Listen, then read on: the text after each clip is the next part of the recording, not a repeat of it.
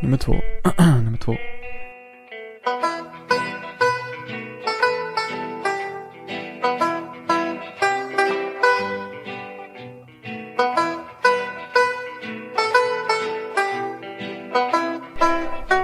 Så, då är jag på plats också. Mm. Kan man, här är bra, ställa in så. Hej och välkomna till den allsvenska podden som görs i samarbete med Robert Laul och Per Boman. Det är jag som är Laul och det är du som är Boman. Hej Per! Hejsan. Idag är det premiär för den allsvenska podden. Seriestarten ligger ju bara drygt två veckor bort och vårt upplägg eh, i dagens premiäravsnitt är enkelt. Vi ska gå igenom seriens samtliga 16 lag från norr till söder, från bottenstrid till mittenkamp till guldstrid och guldtips. Men först Per Boman, en samlad översiktsbild vad är grejen med årets allsvenska? Vad är det första ordet som kommer upp i huvudet när du tänker på allsvenskan 2021? Bättre än jag väntat mig. Vad tänker du på då?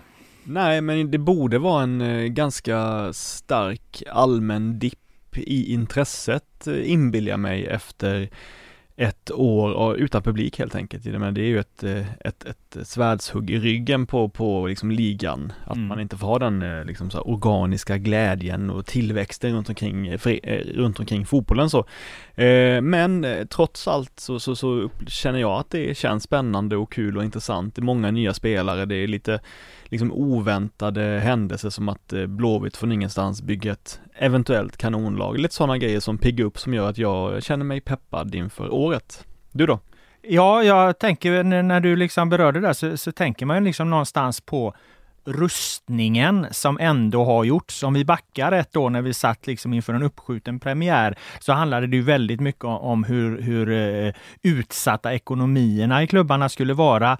Eh, det pratades till och med om konkurser och sånt här. Nu har ju liksom boksluten ramlat in här under våren. Vi har satt, sett att tack vare eh, efterskänkta årskort i, i, i de storklubbarna och framförallt statliga stöd då för, för hela serien så har allsvenska klubbarna klarat klarat sig väldigt bra. Fotbollen har klarat sig väldigt bra. Den är det välmående. Eh, de här liksom pengarna som har kommit in har, har eh, hjälpt till, inte att rädda klubbarna, för det har egentligen inte behövts. Däremot har det hjälpt till att bibehålla balansen.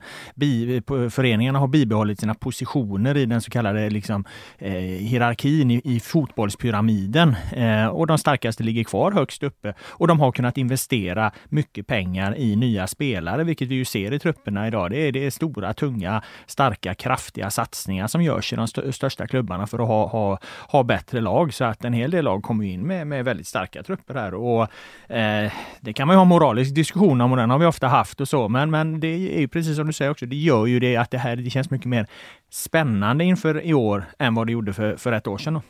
Eh, absolut, eh, det här är liksom, jag tror inte folk heller orkar med det här allmänna krismedvetandet för länge heller, utan man vill mest kanske glömma det nu och, och, och släppa det och, och gå vidare till nya tider. Och det är precis vad vi ska göra. Vi ska gå vidare till nya tider här. Vi, vi, vi, vi, har vårt enda ämne idag, vårt enda eh, segment som vi då kallar Sverige runt. Vi ska gå igenom samtliga 16 lag och se vad de eh, eh, står här. Jag kommer att redovisa en tes för respektive lag och en prognos för respe, respektive lag om de ligger i, i liksom botten, mitten eller toppen kan man väl säga. Eh, och så ska du då eh, ja, få invända mot det här helt enkelt. Jag vet inte, du, du kan ju den akademiska världen bättre än mig, men det är väl ungefär som att eh, det kommer någon slags examensarbete här som, som du nu då ska, ska hacka isär eller eh, berömma utifrån mina teorier om, om, om eh, lagen, var de ligger. Mm, absolut, får se ifall du blir doktorand eller inte efter vi är färdiga. Ja, vi får se, vi får se. Du ser, du kan termerna här, eh, terminologin. Vi börjar då eh, i norr eh, och där börjar vi med Östersunds FK. Och eh, anledningen till att jag eh, börjar där är för att jag börjar i botten. Och eh, jag ser helt enkelt inte, och detta är min tes, vad som kan... Ska, nu måste jag ju backa bara, det var ju fel terminologi. Jag sa ju doktorand, för att se om du blir doktor eller inte. Du är ju, du är ju doktorand i det här läget. Jag, jag backar. Jaha, okej, okay, du avbryter det här mitt i mm. min, min re, re, re, redovisning då. Östersunds FK i alla fall. Eh, börjar botten, börjar norr och botten. Och jag ser helt enkelt inte vad som kan rädda ÖFK eh, längre. Det känns som att de ha, har hängt på repen i många år. Eh, det, det, det, när man tippar tappar så hamnar man hela tiden på att Östersund ska vara där nere. Och när man tittar på tabellen i fjol så fick de ihop eh, 33 poäng. De hade otroligt svårt mot slutet. Det kändes som att de satte in eh, det de kunde göra redan eh, i fjol. De gjorde det tränarbytet. De fick en, en eh, kortsiktig effekt som ändå höll i sig ganska länge och var ganska omfattande sett till poängen. Sen avtog den effekten och de ramlade någonstans tillbaka till ett normalläge och då avslutade de ju säsongen med, med åtta matcher där, eh, sju förluster, sex, 24 i målskillnad om jag minns rätt. Det är klart att det finns kvalitet i Östersunds FK sett till spelarna. Jättebra målvakt i, i Ali Keita. Du har Noah Sonko Sundberg, Erik Haugan som mittbackar. Det är kvalitativa eh, innermittbackar i en allsvensk miljö. Du har Isak eh, Kambo, central mittfältare. Du har Blair Turgott som jag tycker är en fin eh, anfallare. Du har Kalpi och Atara, eh, talang till vänster. Det, så att det är klart att det finns, det finns kvalitet. Annars hade de inte överlevt i allsvenskan de här åren. Men de har hängt på repen. Det var en svag avslutning. Det finns inga räddningsplankor. De har inga pengar. De kan ändå inte värva för de har ett värvningsförbud. Så att jag ser helt enkelt inte vad som ska rädda Östersunds FK kvar i Allsvenskan 2021. Eh, även jag tippar dem lågt, men det jag tänker på kring ÖFK, det är att eh, jag minns för några år sedan så sa Thomas Lagerlöf, han berömde Falkenberg och sa att det där är ett ärligt lag. Man vet vad de får liksom i, i så här vad gäller hårt arbete, organisation, liksom svårare att bryta ner och så.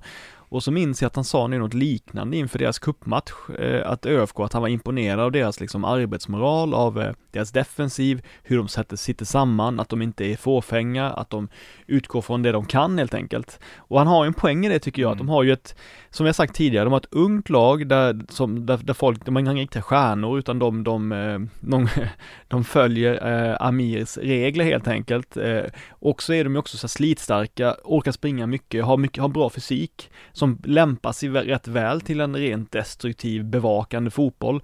Eh, plus att de ju bara tappat väl eh, Ivan Drago, eh, Isherwood, mm. inte tappat någon annan spelare.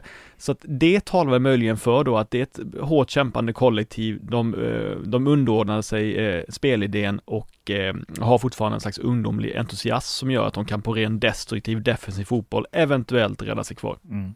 Ja, och, och det är någonstans där jag menar, det är ju det sista ett fotbollslag har. När man är där nere och måste ta till det där så, så, eh, så är det ju, då, då, är man ju nere på den, då står man ju på den sista räddningsplankan helt enkelt. För att eh, något, något mer finns ju inte. Det där är ju liksom bottom line innan eh, det går åt helvete. Det är klart att det, att, att det kan, att det kan eh, eh, lösa sig. Men som sagt, titta på avslutningen, titta på, på när liksom resultaten ramlade ner i någon slags normalitet. Ja, då, då stod de där med, med, med 6-24 på de, på de sista matcherna. Och apropå Lagerlöf så var det väl så, om jag inte minns fel, att Falkenberg åkte ur allsvenskan till slut. Ja, precis. Eh, och eh, ett av skälen till att de har behållit sin trupp är ju för att i princip ingen har varit bra nog för att få utländskt intresse trots att ÖFK väl eh, sannolikt försöker rea ut sina spelare. Ja, alltså hade, hade de fått bra betalt för dem så är det klart de hade sålt dem med tanke på den ekonomiska situation de befinner sig i. Men i alla fall, prognosen blir bottenstrid. Har du någon invändning mot det? Nej.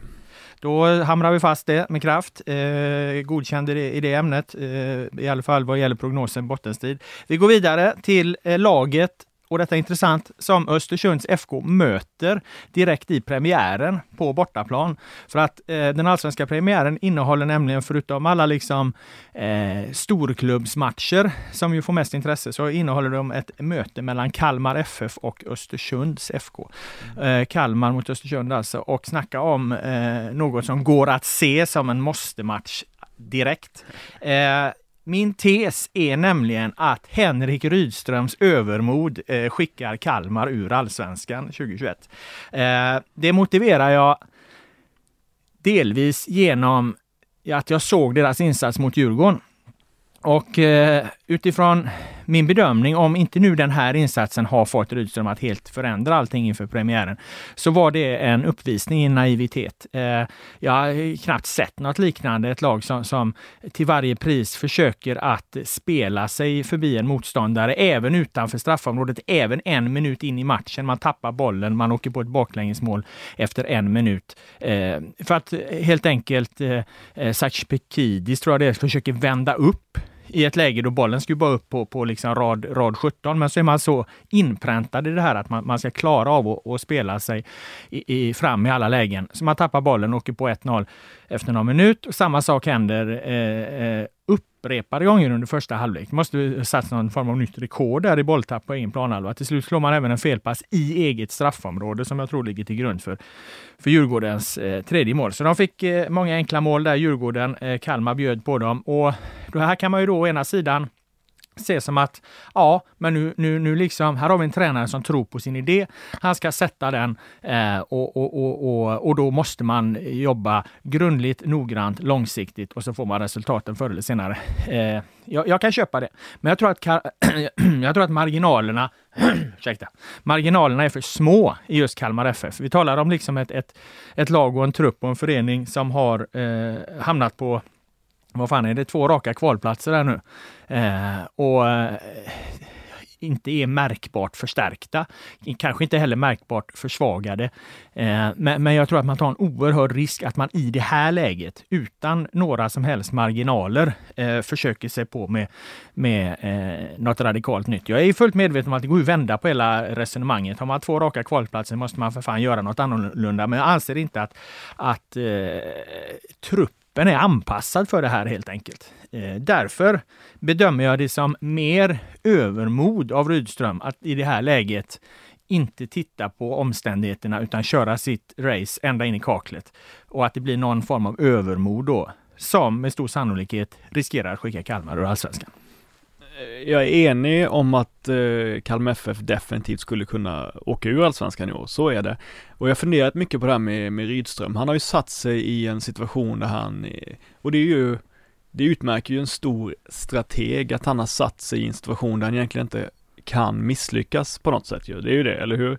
Eh, för går det dåligt för dem så har de ju hela föreningen och stan och supporterkollektivet ändå investerat i tanken att eh, det måste få ta lång tid. Det måste Eh, de måste få över tid utveckla det här. De, de, förlorar de tio matcher på våren, ja, då kommer de ändå vara grymma i superettan nästa år och då har vi något helt nytt eh, att bygga på. Vi, har, vi måste få in unga spelare och sådär. Så att jag skulle säga att Rydström har redan, redan nu fått in en acceptans kring att Kalmar FF kan åka ur allsvenskan. Eh, och det är ju, och då, då är ju frågan, gör han det här, tror jag att han gör det här för att skydda sig själv liksom? Att, att det här är ett sätt att, att överleva till varje pris och att det är liksom en långsiktig plan så.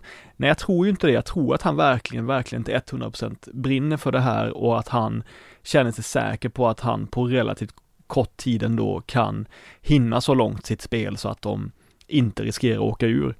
Eh, förstår du mitt, eh, ja. mitt resonemang? Och, och jag tror, jag tycker ändå, hade han inte lyckats med det han har gjort i Sirius, då hade jag också sagt att det här var en, en, en, en, en, en, en jävligt riskabel idé. Men nu har han trots allt ett, ett, att han lyckades med ett spelarmaterial som jag inte tyckte var bra nog inför den säsongen, men som visade sig vara bra nog. Och det finns trots allt ett antal spelare som skulle kunna höja sig till en, en högre nivå än vad de har visat de senaste åren. Så att jag tycker trots allt att det här är rätt, helt rätt av Kalmar att göra detta. Mm. Jag hade köpt det om det hade varit för några år sedan.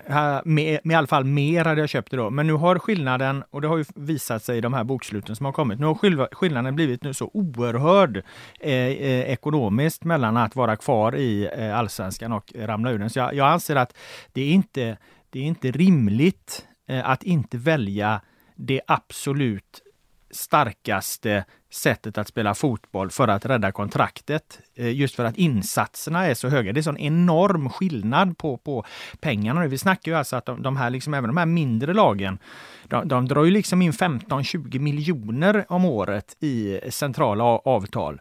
Och, och, och, och, och där är skillnaden eh, halverad långt, långt mer än så, liksom om du åker ner i superettan. Så det blir, det blir liksom för en förening som Kalmar som redan har fått spara, spara, spara, spara, eh, som har problem liksom med sin ekonomi utifrån arenan. Eh, det blir så fruktansvärt höga insatser för dem och då anser jag då är det liksom inte, då är det liksom inte, inte läge att eh, ta några som helst eh, risker. Sen så kan jag ju inte, jag håller ju med dig om det, det går inte 100 procent att säga att det här är, är en, en eh, garanterat svårare väg. Men, men utifrån när jag tittar på spelarmaterialet mm. så, så, så, så vore det rimligare att försöka med, med, med, med, med något som spelarna är mer bekväma i än att i det här läget chansa när insatserna är, är så höga. Så min prognos för Kalmar avslutningsvis blir bottenstrid? Eh, nej men det, jag tror de klarar sig någon placering över kvalplats. Är det bottenstrid eller? Ja. Ja, men då säger jag inte emot. Nej. Då går vi vidare just till eh, Varberg eh, Boys, då, Varbergs Boys, som ju vi också har eh, eh här i den här delen av det här avsnittet. Ehm, och min tes kring Varberg är att det som egentligen la grunden för deras succé i fjol, det saknas i år. Och de tre bitarna skulle jag säga är nykomlingsenergin. Kom in med väldigt positiv Eh, ett, ett, positivt anslag i serien. De hade en, en eh, forward som skulle göra stor succé på många sätt i Astrid Selmani, både genom att skapa chanser, göra mål, eh, lägga upp chanser för, för lagkamrater, men även i det defensiva arbetet och pressspelet. Plus att det var ett bra år att vara nykomling i fjol. Det var det här specialåret som vi pratade om, det kom igång senare. Det höll en mycket lägre kvalitet. Nu är, är föreningarna, nu är man beredd på att det kommer inte bli någon publik och, och så, så att jag tror att kvaliteten kvaliteten kommer höjas upp ett snäpp. Jag kallar det ju liksom 2020 för det sämsta, allsven, all, det sämsta fotbollsåret i allsvenskan snart hundraåriga historia. Eh, även om det må ha varit tillspetsat så fanns det ju en bäring i det. Eh, därför var det bra att vara nykomling. Därför tog eh, Varberg eh, 37 poäng, vilket inte är jättemycket. Eh, jag har väldigt svårt att se att, att Varberg ska ta mer än 37 poäng i år. Eh, jag tror att de, de kommer nästan garanterat ha färre eh, poäng. Frågan är hur många poäng färre de då tar. Man brukar säga att man behöver ha 30 i alla fall för att klara sig i allsvenskan. Det har förändrats lite de, de, de senaste åren.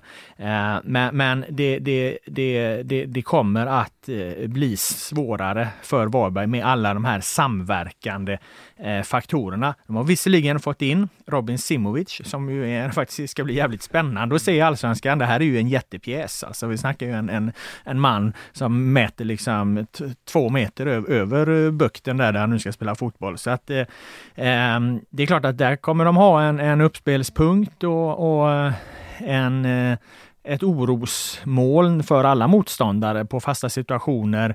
De har värvat en, en vänsterback från Hammarby, det är Brito som inte har fått så mycket speltid i Bayern men som har väldigt fin inläggsfot. Så att det är klart att där finns en del poäng att hämta i Britos inlägg på, på, på Simovic skalle. Så han kommer göra nytta, men han kommer inte göra lika mycket nytta eh, som Selmani. Så allt sammantaget eh, så står Varberg på minus gentemot sina 37 poäng eh, i fjol. Och eh, då får man problem.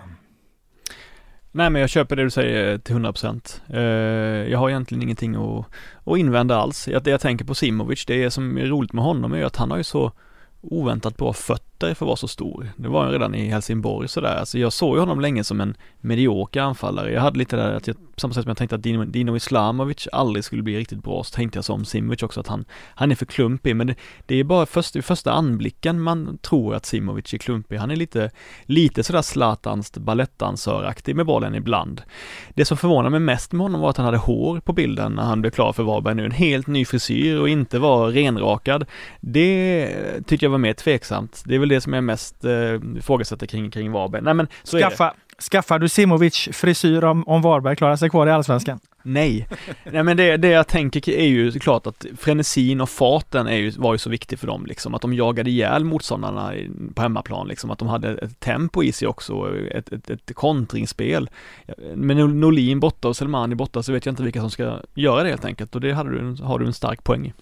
Med allt det sagt då så är de något av ett blankt ark ska vi tillägga, eh, Varberg, för de spelade ju inte eh, kuppen här. Eh, vi har ju sett eh, alla lag i tävlingsmatcher nästan i princip här, eh, förutom just eh, Varberg. Och eh, då kan man ju dra en parallell till Helsingborgs IF om man vill, som ju inte spelade eh, kuppen i fjol och när allsvenskan dessutom blev uppskjuten så kom de ju liksom, då hade ju alltså Helsingborg då inte spelat en tävlingsmatch sedan november. Allsvenskan började ju i juni i fjol och jag menar, alla minns ju den katastrofala starten Helsingborg fick som de aldrig repade sig från. Eh, med Varberg blir det inte riktigt lika illa eftersom allsvenskan nu börjar i april, men det är ju ändå så att de, de till skillnad från de andra lagen då inte har några tävlingsmatcher i benen. Nu ska man tänka på då att, att det här är ett sätt att se det. Man kan också konstatera, och du får rätta mig om jag har fel Per Boman, men jag vill minnas att Norrköping inte heller spelade kuppen i fjol, och, eller i alla fall åkte ur kuppen eh, eh snabbt i gruppspelet i så fall. Ehm, eh, och eh, de succéstartade ju. Så att det här är inte en helt given parallell, men, men den, den finns ju där någonstans ändå och allt sammantaget leder mig till prognosen bottenstrid för Varberg. Ja. Det var ett tydligt ja där från Per Boman. Vilket gör att vi hastar vidare i våran Sverige runt på vår Sverige runt-resa här. Inte så långt dock, för nu landar vi i Halmstad. Halmstad BK och eh, oavsett eh, skulle man kunna ha den här tesen som jag nu kommer, kommer ha och som lyder att i Halmstad vet man vad som krävs. Det är ju enkelt att säga för att det här är en förening som har, var, har väldigt många allsvenska säsonger.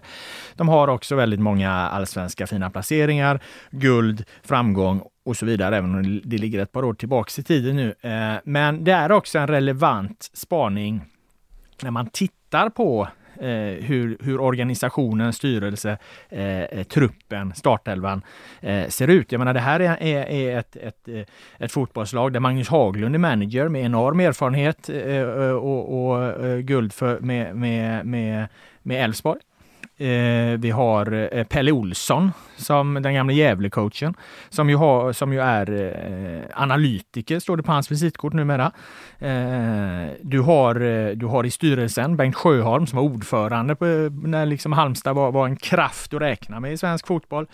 Eh, du har, eh, du har i laget Andreas Johansson som folk säkert kommer ihåg från Norrköping som ju är en, en, en av allsvenskan, eh, allsvenskan på 2000-talets stora namn. Alltså fantastisk eh, mittback och har ju liksom fortsatt att leverera på en, på en hög nivå, en oerhörd erfarenhet.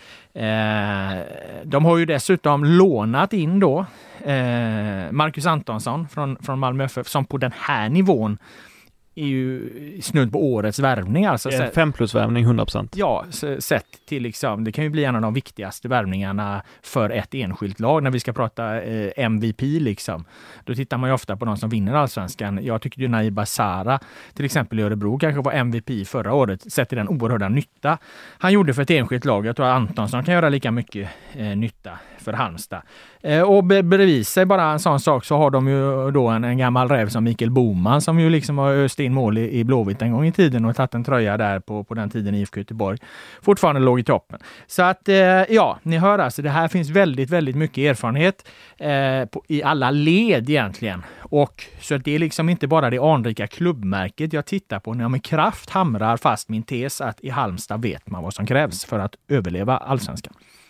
Nej men så är det ju, det säger ju någonting om en, en klubbs resurser när det är den typen av spelare man kan ta in som nykomling, att, eh, att Halmstad redan är på en nivå som Ja men de är väl som en lägre mittenklubb kan man misstänka va, resursmässigt och traditionsmässigt och så vidare, att de har de Eh, kunskapen och förmågan. Men, men det är inte bara, det är inte bara de spelarna alltså, som du nämner, utan det är också så Emil Tott Wikström, det är Samuel Kron, det är unge talangen Erik Ahlstrand, det är Amir Alamari som öst in poäng i, i J Södra som redan ser fin ut i HBK. Så även de, de, de kompletter, kompletterar ju de här rutinerade pjäserna med jätteintressanta eh, halvunga och unga spelare. Så att eh, eh det som känns med HBK också att de är ju väldigt inriktade på att de inte ska kanske lira sig kvar i Allsvenskan utan det känns som ett eh, ett lag som har eh, god insikt om sina begränsningar eh, och dessutom, eh, och dessutom ehm, förståndiga spelare så att jag tror att HBK blir ju extremt svåra att bryta ner samtidigt som de har spets i kontringsspelet med Marcus Antonsson till exempel så att eh, nej, HBK kommer ju klara sig kvar.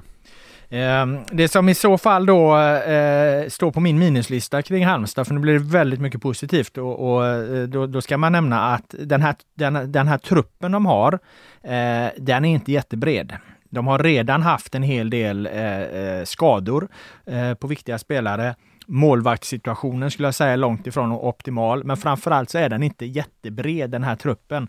Och de har haft skador och eh, deras då, eh, som ju också har väldigt mycket erfarenhet och rutin från, från stora sammanhang, deras sjukgymnast Simon Bakioui, han kommer få jobba hårt för att hålla den här truppen eh, fräsch och spelduglig över en eh, lång och tajt eh, allsvensk säsong. Därför Därför är jag liksom inte, jag är inte beredd att sätta en pistol mot tinningen och säga att Halmstad eh, kommer klara sig kvar, utan min prognos blir ändå byggt på att den är ganska tunn och lite, lite skadekänslig den här truppen. Min prognos blir ändå att det blir bottenstrid för Halmstad. Ja, bottenstrid blir det, men, men det, med det sagt, alltså förra året så pratade vi väldigt eh, mycket om att de mindre klubbarna med tunna trupper eh, skulle få svårt med det tajta spelschemat och det är ju tajt spelschema i år också men det märktes ju inte av förra året. De, de mindre, mindre klubbarna hade inte de stora problemen med det utan de, de löste det ganska bra tyckte jag. Det var sällan skadeepidemier eller sjukdomsepidemier som satte stopp för, för dem trots att de inte alls hade samma bredd som storlagen så att det är därför jag är lite mer försiktig med det och var orolig som jag var inför förra säsongen. Jag tror nog att det, om man kollar på, på Varberg till exempel i fjol så gjorde de ju, de kunde ju början av säsongen rotera. Jag vet att, mm. att Persson där hade ju en gång när han liksom från en match till annan bytte i princip la startelvan. Kommer du ihåg det? Jag tror ja, det var inför Malmö, Malmö FF och, mm. och hämtade hem ett kryss liksom. Mm. Och det, jag tror att de kunde göra det förra året för att kvaliteten var så pass låg. Tittar man på storklubbarnas poängskörd i fjol så var den väldigt låg. Det var egentligen bara Malmö som nådde ett guldsnitt och Malmö var liksom 10 poäng före Elfsborg och Häcken och sen kom de andra. Men AIK var 20 poäng ifrån från ett guldsnitt. Så att eh, jag tror att det hjälpte Eh, det hjälpte då nykomlingarna och de mindre klubbarna att, att även, trots att de, eh, eh de roterade ganska mycket och inte då drog på sig förslitningsskador och annat i den, den utsträckningen, så kunde de ändå ta poäng i en del matcher för att kvaliteten var låg. Jag tror att kvaliteten blir högre i år och därför kommer de eh, tunnare trupperna straffas hårdare. Ja, för det jag vill säga om det är ju att helt ärligt, känslan är att lag, från lag 10 till 16 så är det extremt jämnt mellan de klubbarna. Alltså att det kommer vara ganska mycket tillfällighet som avgör vilka som, eh, vilka som blir safe och inte safe. På förhand är de väldigt jämna lag 10-16 i den här serien. Så är det. Därför ska vi gå vidare med ett av lagen som vi tror kommer landa någonstans där och då förflyttar vi oss till Örebro. Eh, Örebro SK och eh, här är min tes eh, eh, väldigt enkel. Jag har redan eh, varit inne på den. Jag har berört den och det är att Besara-hålet är allsvenskans största hål att fylla.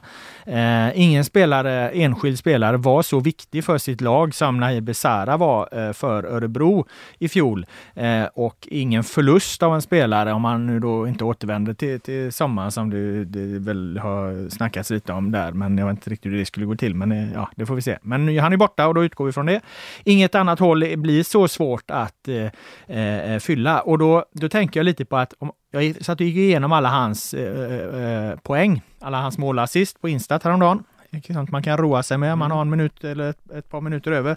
Det ganska, tog ganska lång tid ska jag dock säga, för han gjorde ju mycket poäng. Eh, han, han gjorde väl eh, 12 mål och eh, en rad assist då. Och många av de här är det är alltså situationer som inte hade blivit mål annars, om du förstår vad jag menar. Det är alltså det är hans enskilda briljans eh, som både skapar läget och eh, eh leder till målet så att säga. Så det här är liksom inget som i, finns i Örebros eh, Axel Kjells eh, spel-DNA. Det är liksom inte... Jag skulle säga att han är mycket, mycket viktigare än vad Selmani var på det sättet. För jag menar Selmanis mål, de kom liksom på, på att han löpte in i straffområdet, fick eh, eh, en bra framspelning och tryck, tryckte in den. Medan Besara, han har i princip liksom skapat läget själv och avslutat det. Så det här kommer bli ett jättehål eh, för, för eh, Örebro att fylla. Och som sagt, jag tror att de ligger lite i riskzonen att vara lite eh, ja, dopade av den konstiga eh, eh, tabellen i fjol då. Jag tror att de är lite närmre botten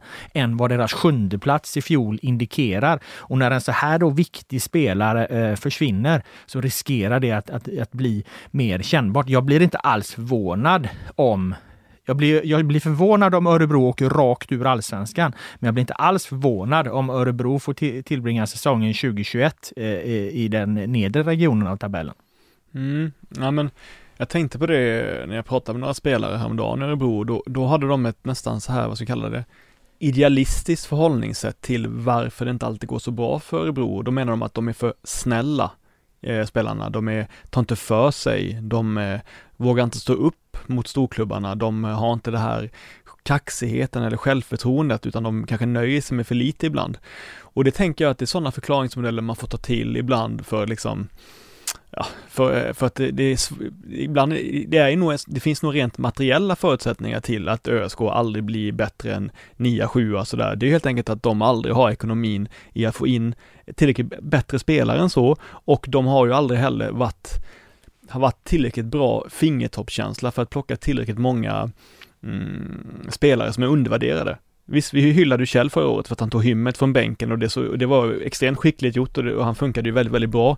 Men jag tror helt enkelt att det är så att eh, det snacket som jag har hört då att de tycker att de ska bli tuffare, de ska vara lite mer bestämda, de ska vara lite mer kaxiga, de ska ta för sig. Det känns som eh, eh någonting man säger för att eh, man måste ha någonting att säga helt enkelt.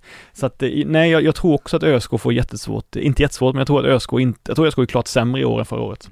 Eh, jag kan berätta det där för de där då, eh, svara på det där beror på. Det är ju väldigt tydligt i, i Örebros fall. Alltså, jag menar, allsvenskan har skiktats på ett, ett, ett extremt tydligt sätt och det är att du har då Big Eight, du har åtta klubbar som har en omsättning på över 100 miljoner och det är ju då eh, Blåvitt, Elfsborg, eh, Djurgården, AIK, Hammarby, IFK Norrköping, Häcken och Malmö FF. Eh, här har du omsättningar på, på från eh, Elfsborgs eh, 103 miljoner om året eh, till Malmös eh, bortåt 300 miljoner då när de är med i Europa och så här. Eh, så att Eh, Eh, de åtta klubbarna de, de, de, de har en så hög omsättning. De har råd att betala löner och ta in spelare på en annan nivå. Sen kommer alltså eh, Örebro eh, på nionde plats i ekonomitabellen på en, med en omsättning på ungefär 50 miljoner. Så det är ju en slump att de har slutat nia Eh, fyra av de fem senaste åren ungefär. De har slutat, alltså det överdriver inte om jag säger att de har slutat nia eh, fyra av sex år. Nu slutar de i sjua, så det var lite bättre. Men det är där, de är liksom nia. Och, och de är också nia i ekonomitabellen. Och ekonomitabellen blir inte rättvisande på ett enskilt år, men över tid blir det nästan alltid rättvisande. Man hamnar där man har pengar för. Så det är där de, det är därför de ligger på den här nionde platsen. Men sen kan det komma enskilda dippar.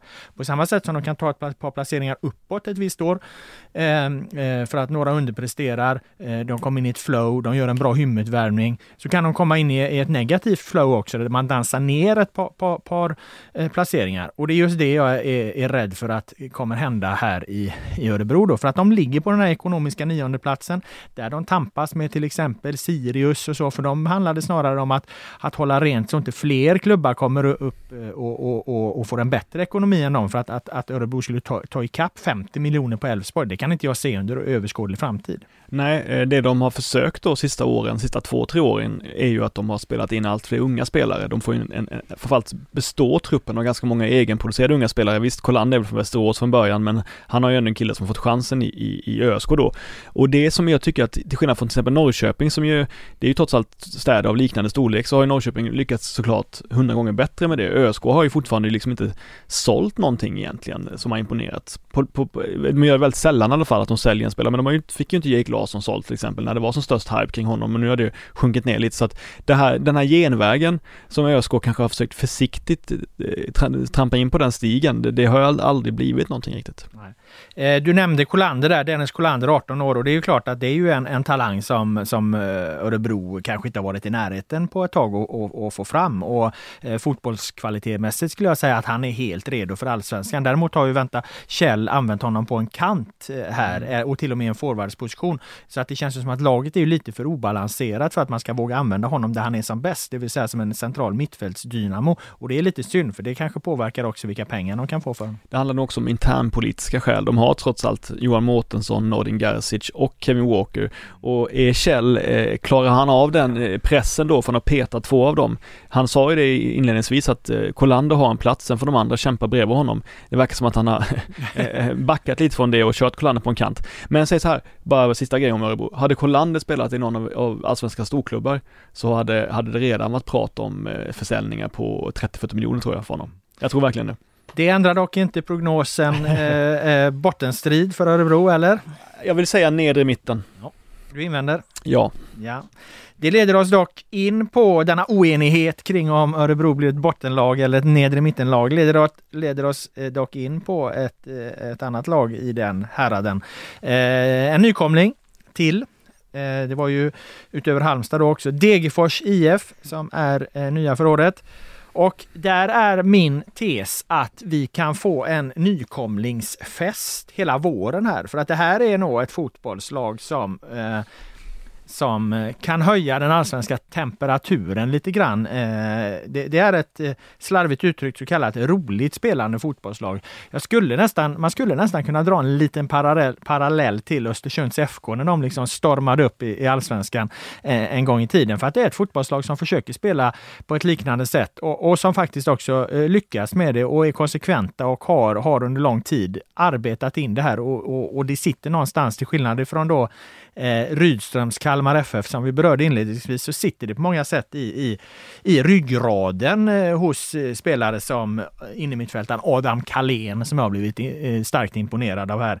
Eh, du har en mittback i Gustav Granat så, som ju också är fin på att sätta igång eh, eh anfallen. De har fått tillbaka eh, Sargon Abraham då från IFK Göteborg som har sett bra ut där. Jag tycker Ferhad Ayas på, till, till vänster har, har sett väldigt bra ut i, i Svenska Kuppen.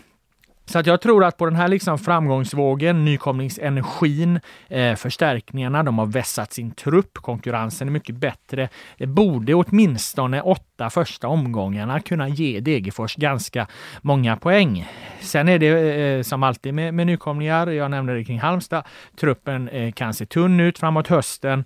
Eh, så det handlar helt enkelt om, om för, för Degerfors att, eh, att samla in eh, mycket poäng under våren när de kan rida på den här framgången. Om det nu inte var så här att den här snöpliga kvartsfinalförlusten mot Västerås eh, eh, ställde till det.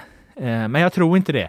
Eh, vad jag har förstått av den matchen, nu såg jag den inte själv, så, så, så såg Degerfors även i den bra ut. Men det är klart att släpper du in fyra mål mot ett superettanlag så, så har du fått en nödvändig väckarklocka för, för din eh, defensiv. Det är lite som i Halmstad. Jag är inte helt övertygad om målvakterna i, i, i Degerfors. Det, det, kan bli ett problem. Men min tes är ändå att, det, att mycket talar för att det blir nykomlingsfest hela våren.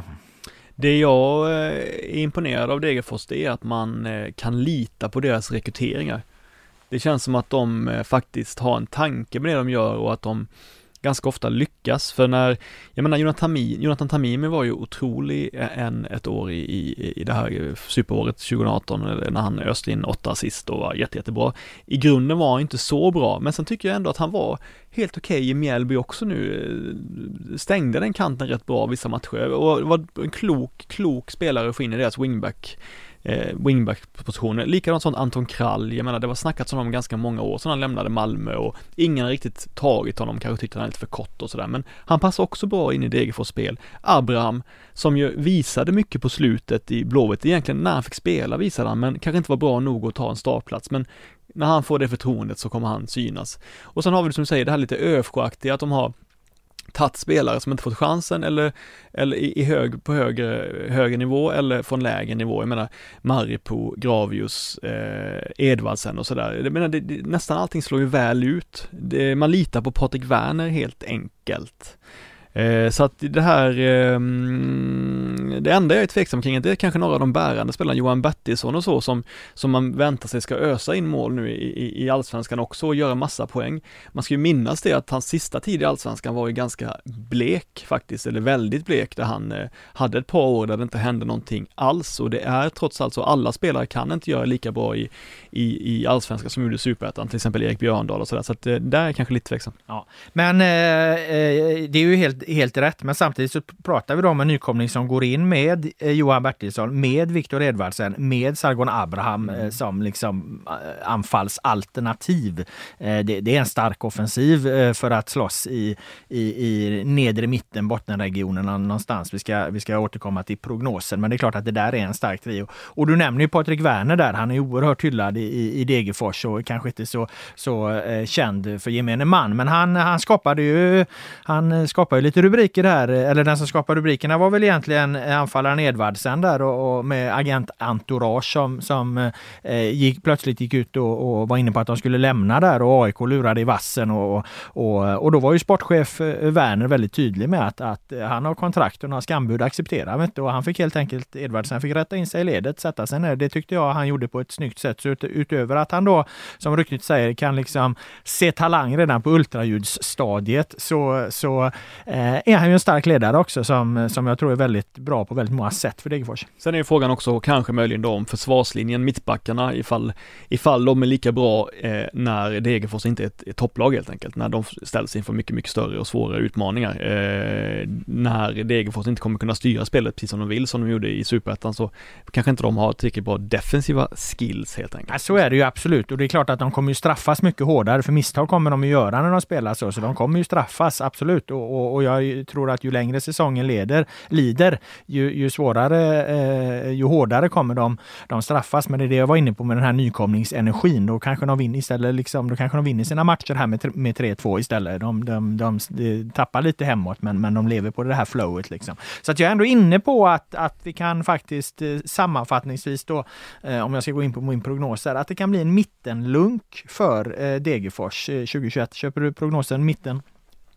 Nej, jag tror de eh, är i botten men, men, eh, men klarar sig kvar. Då hade vi en invändning där också. Eh, vi går vidare då till Mjällby eh, som var nykomlingar i fjol, eh, Mjällby AIF. Eh, och slutade ju på en, en sensationell då när man tittar på serien eh, eller på tabellen bara på en sensationell femteplats eh, eh i fjol. Eh, nu var det som sagt ett, ett, ett märkligt fotbollsår. De tog mång, mycket, mycket poäng på slutet när andra lag kanske hade slutat att spela. Så återigen, jag hävdar att den där femteplatsen är lite dopad.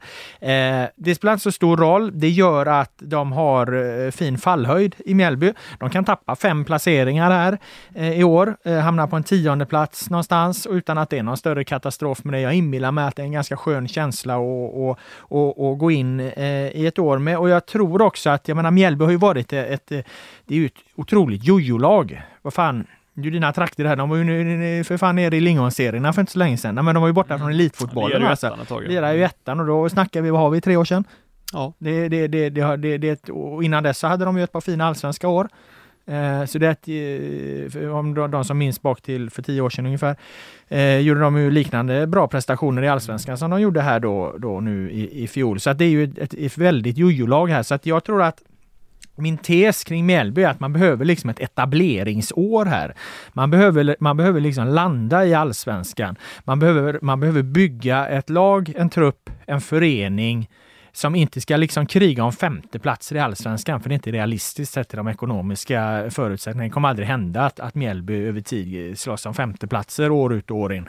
Så är det inte. Men de behöver etablera sig. Man behöver se det som ett etableringsår det här och där, där har du min tes. Och jag tycker liksom att värvningarna har signalerat att det är ungefär så man ser på säsongen. Man har tappat eh, viss spets givetvis då eh, eh, på anfallssidan här i, i Ogbo givetvis. 14 mål försvunnit i Kina, Sabovic, Jesper Lövgren.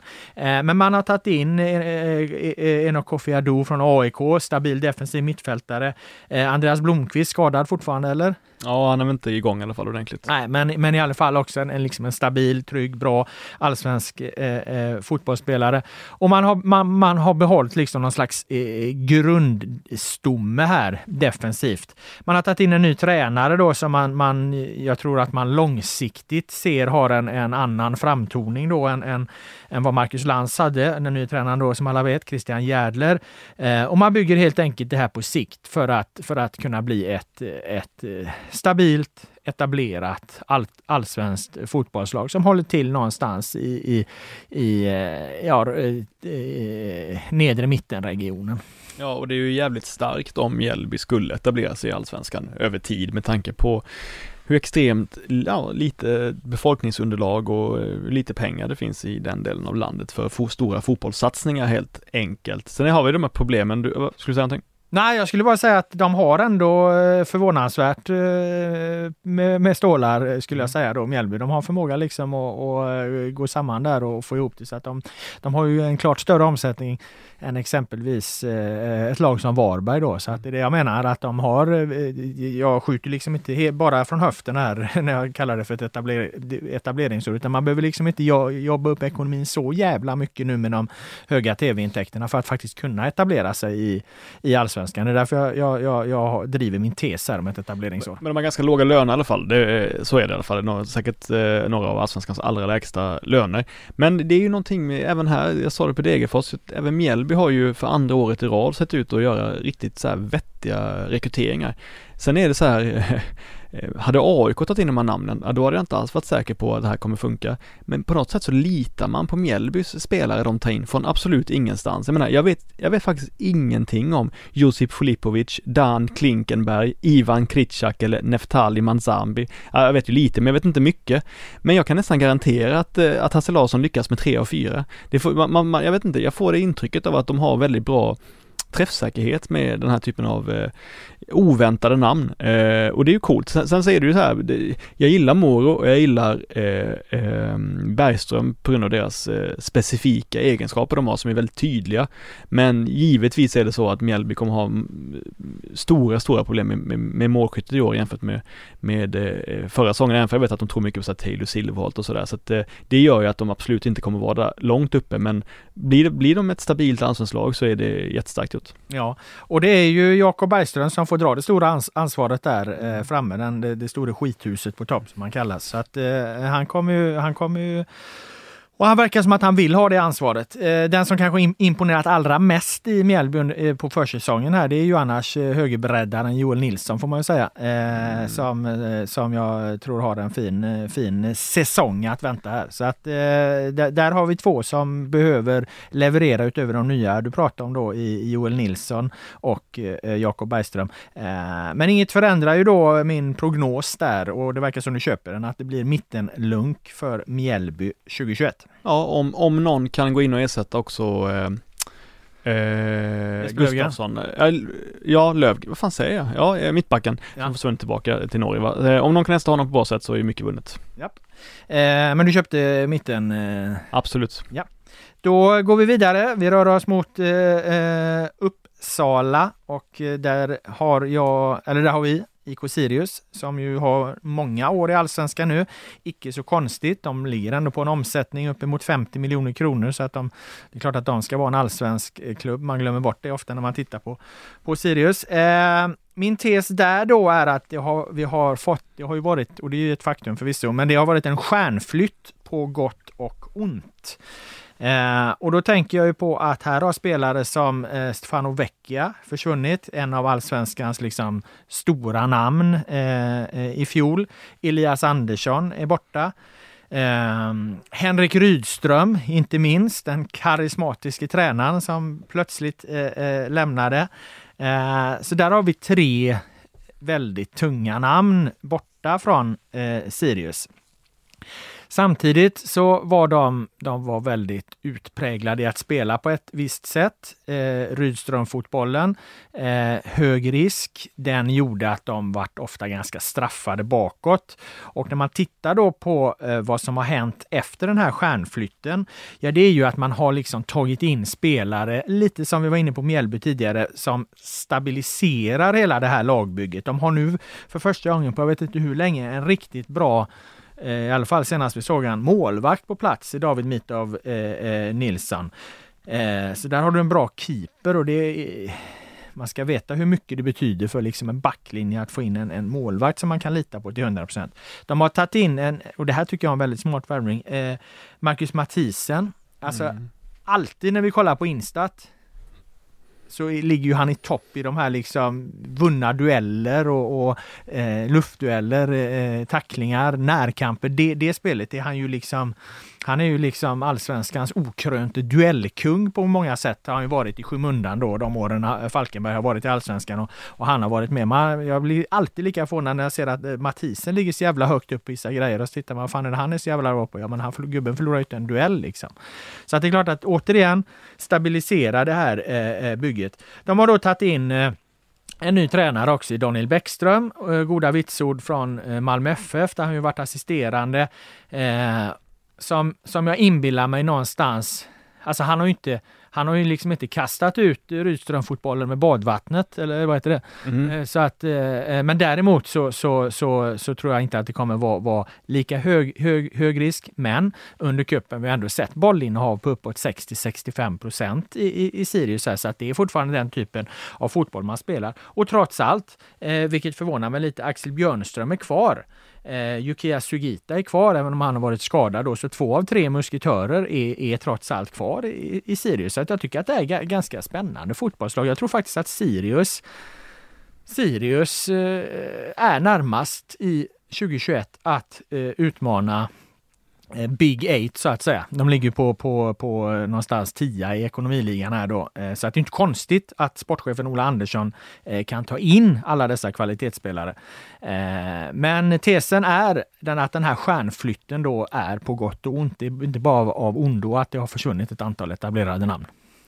Ja, eh, nej jag tror att du överskattar Sirius rejält i år. Jag har ju en ovana att nästan alltid underskatta Sirius, inte minst förra året, men eh, jag tycker helt enkelt att försvarssidan ser alldeles för tunn ut. Nu ska de ta in den där Colli så jag eventuellt då och det, det är ju verkligen välkommet rent numerärt och så. Han är säkert bra nog för att göra eh, avtryck i allsvenskan, men, men och Matthijsen skulle väl kunna gå ner liksom och jag har sett att han unge Roche eh, att han har spelat eh, mittback under försäsongen och sådär, vilket förvånar mig, men det, det, det kanske funkar. Men eh, jag, eh, jag vet att jag pratade med Rydström eh, slutet på förra sommaren då, eller vad det var, på hösten, och då sa han att eh, alla deras metoder de hade för att undvika att bli ett nytt Sundsvall då, som gör succé ett år och sen åker ur det andra. Men jag, jag har verkligen Sundsvall 2019-vibbar för Sirius i år. Jag tror att, jag tror att det blir bottenstrid för dem. Du, jag skulle komma in på det, eh, prognosen då. Eh, den kommer jag komma in på lite senare. Jag ska bara nämna om eh, Sirius där då, eh, för att de har ju försökt ersätta till exempel eh, Vecchia då och där har ju, måste jag säga, Johan Ortmark då sett väldigt bra ut. Eh, Jakob. Eh, ja, förlåt. Nej, Johan. Jakob. Jakob, Jakob Ottmark. Ja, eh, sett väldigt bra ut eh, till vänster. Det är egentligen en central, central eh, mittfältare så i grunden, men, men har fungerat bra där så att då kan de, kan de hålla liv i den liksom starka vänsterkanten där. Så är ju mycket vunnet. Eh, och sen hoppas de ju fortfarande då på att eh, Sam Lundholm ska kunna spela fotboll någon gång efter, efter sommaren. Och, och Eh, det är klart, det kanske är naivt då med tanke på hur länge han har varit borta och mycket problem han har haft. Men samtidigt, det var ju lite samma känsla kring Vecchia där liksom, att han var ju också borta hela tiden mm. och så helt plötsligt kom han igång då. Så att ja, vi, vi, vi får väl se. Sam Lundholm kanske spelar, spelar fotboll igen efter, efter EM och, och, och det skulle vara ett eh, fantastiskt fint eh, tillskott för dem. Sen är jag lite nyfiken på, på eh, de har ju värvat anfallare också. Eh, Christian Kouakou eh, är jag tveksam till utifrån vad han levererade i IFK Göteborg. Men däremot Ekin Bulut som som de tagit från, tog väl egentligen redan, redan eh, i, i fjol va? Mm. Eh, från eh, Vasalund. Han är 24 år.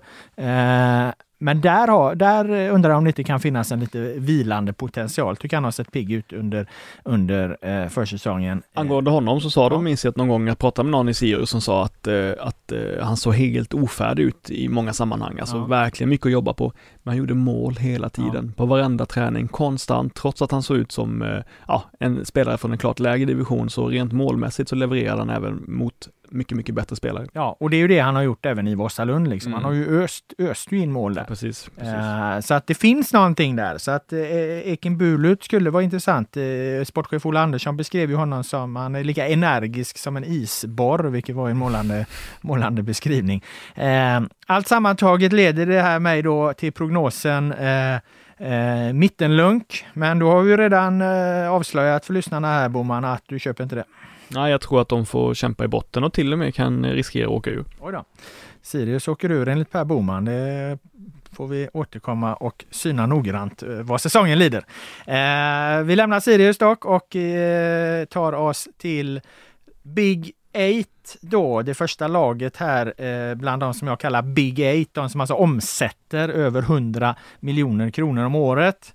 För att vara helt exakt 122,6 tror jag IFK Göteborg, som det jag ska prata om, omsatte eh, 2020.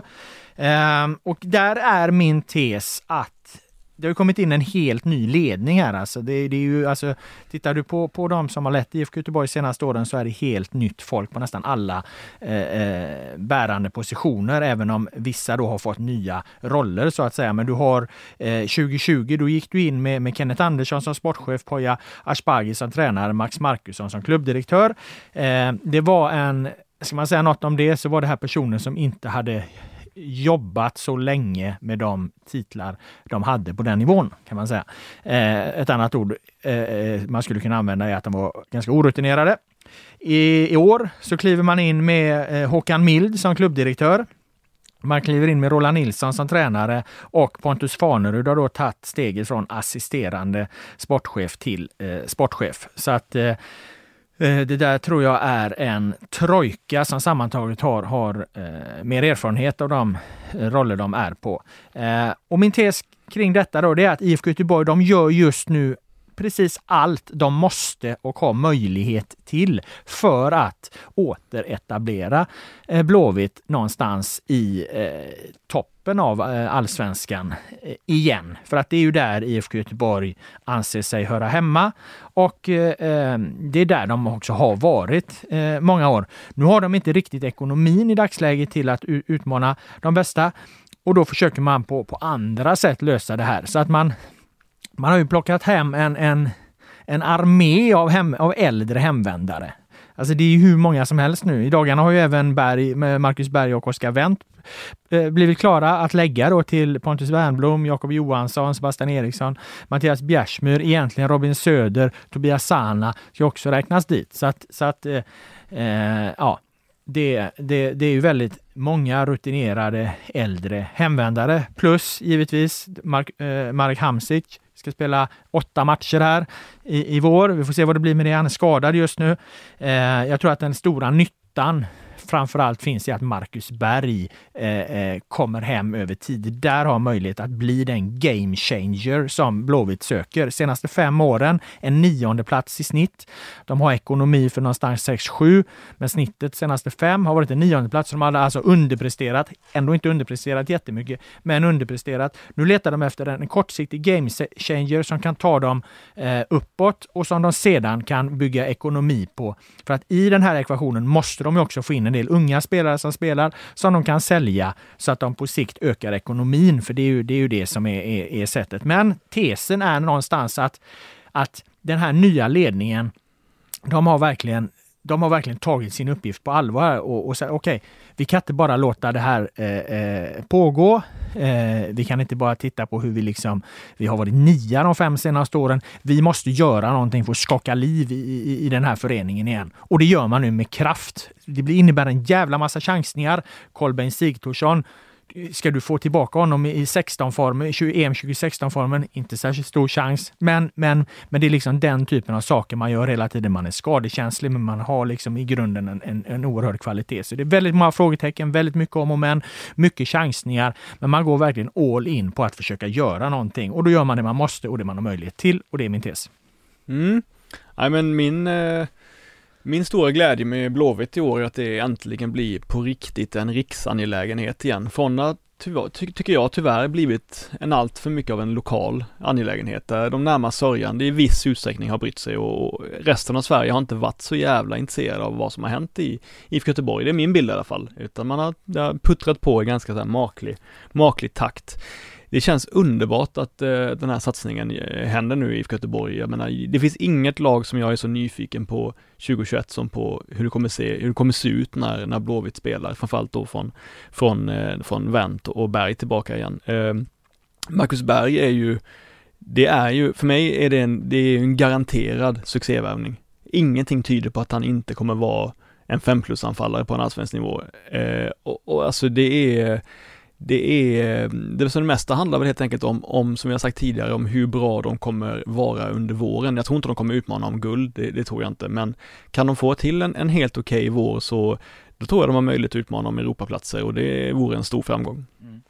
Eh, två saker om det då. Ja, absolut. Berg skulle jag säga, det är ju en, men det är ju en, en nivå på, och det här skrattar ju folk när jag hävdade för något år sedan när det bara snackas om det. men det här är ju en värvning på Marcus Rosenberg-nivå.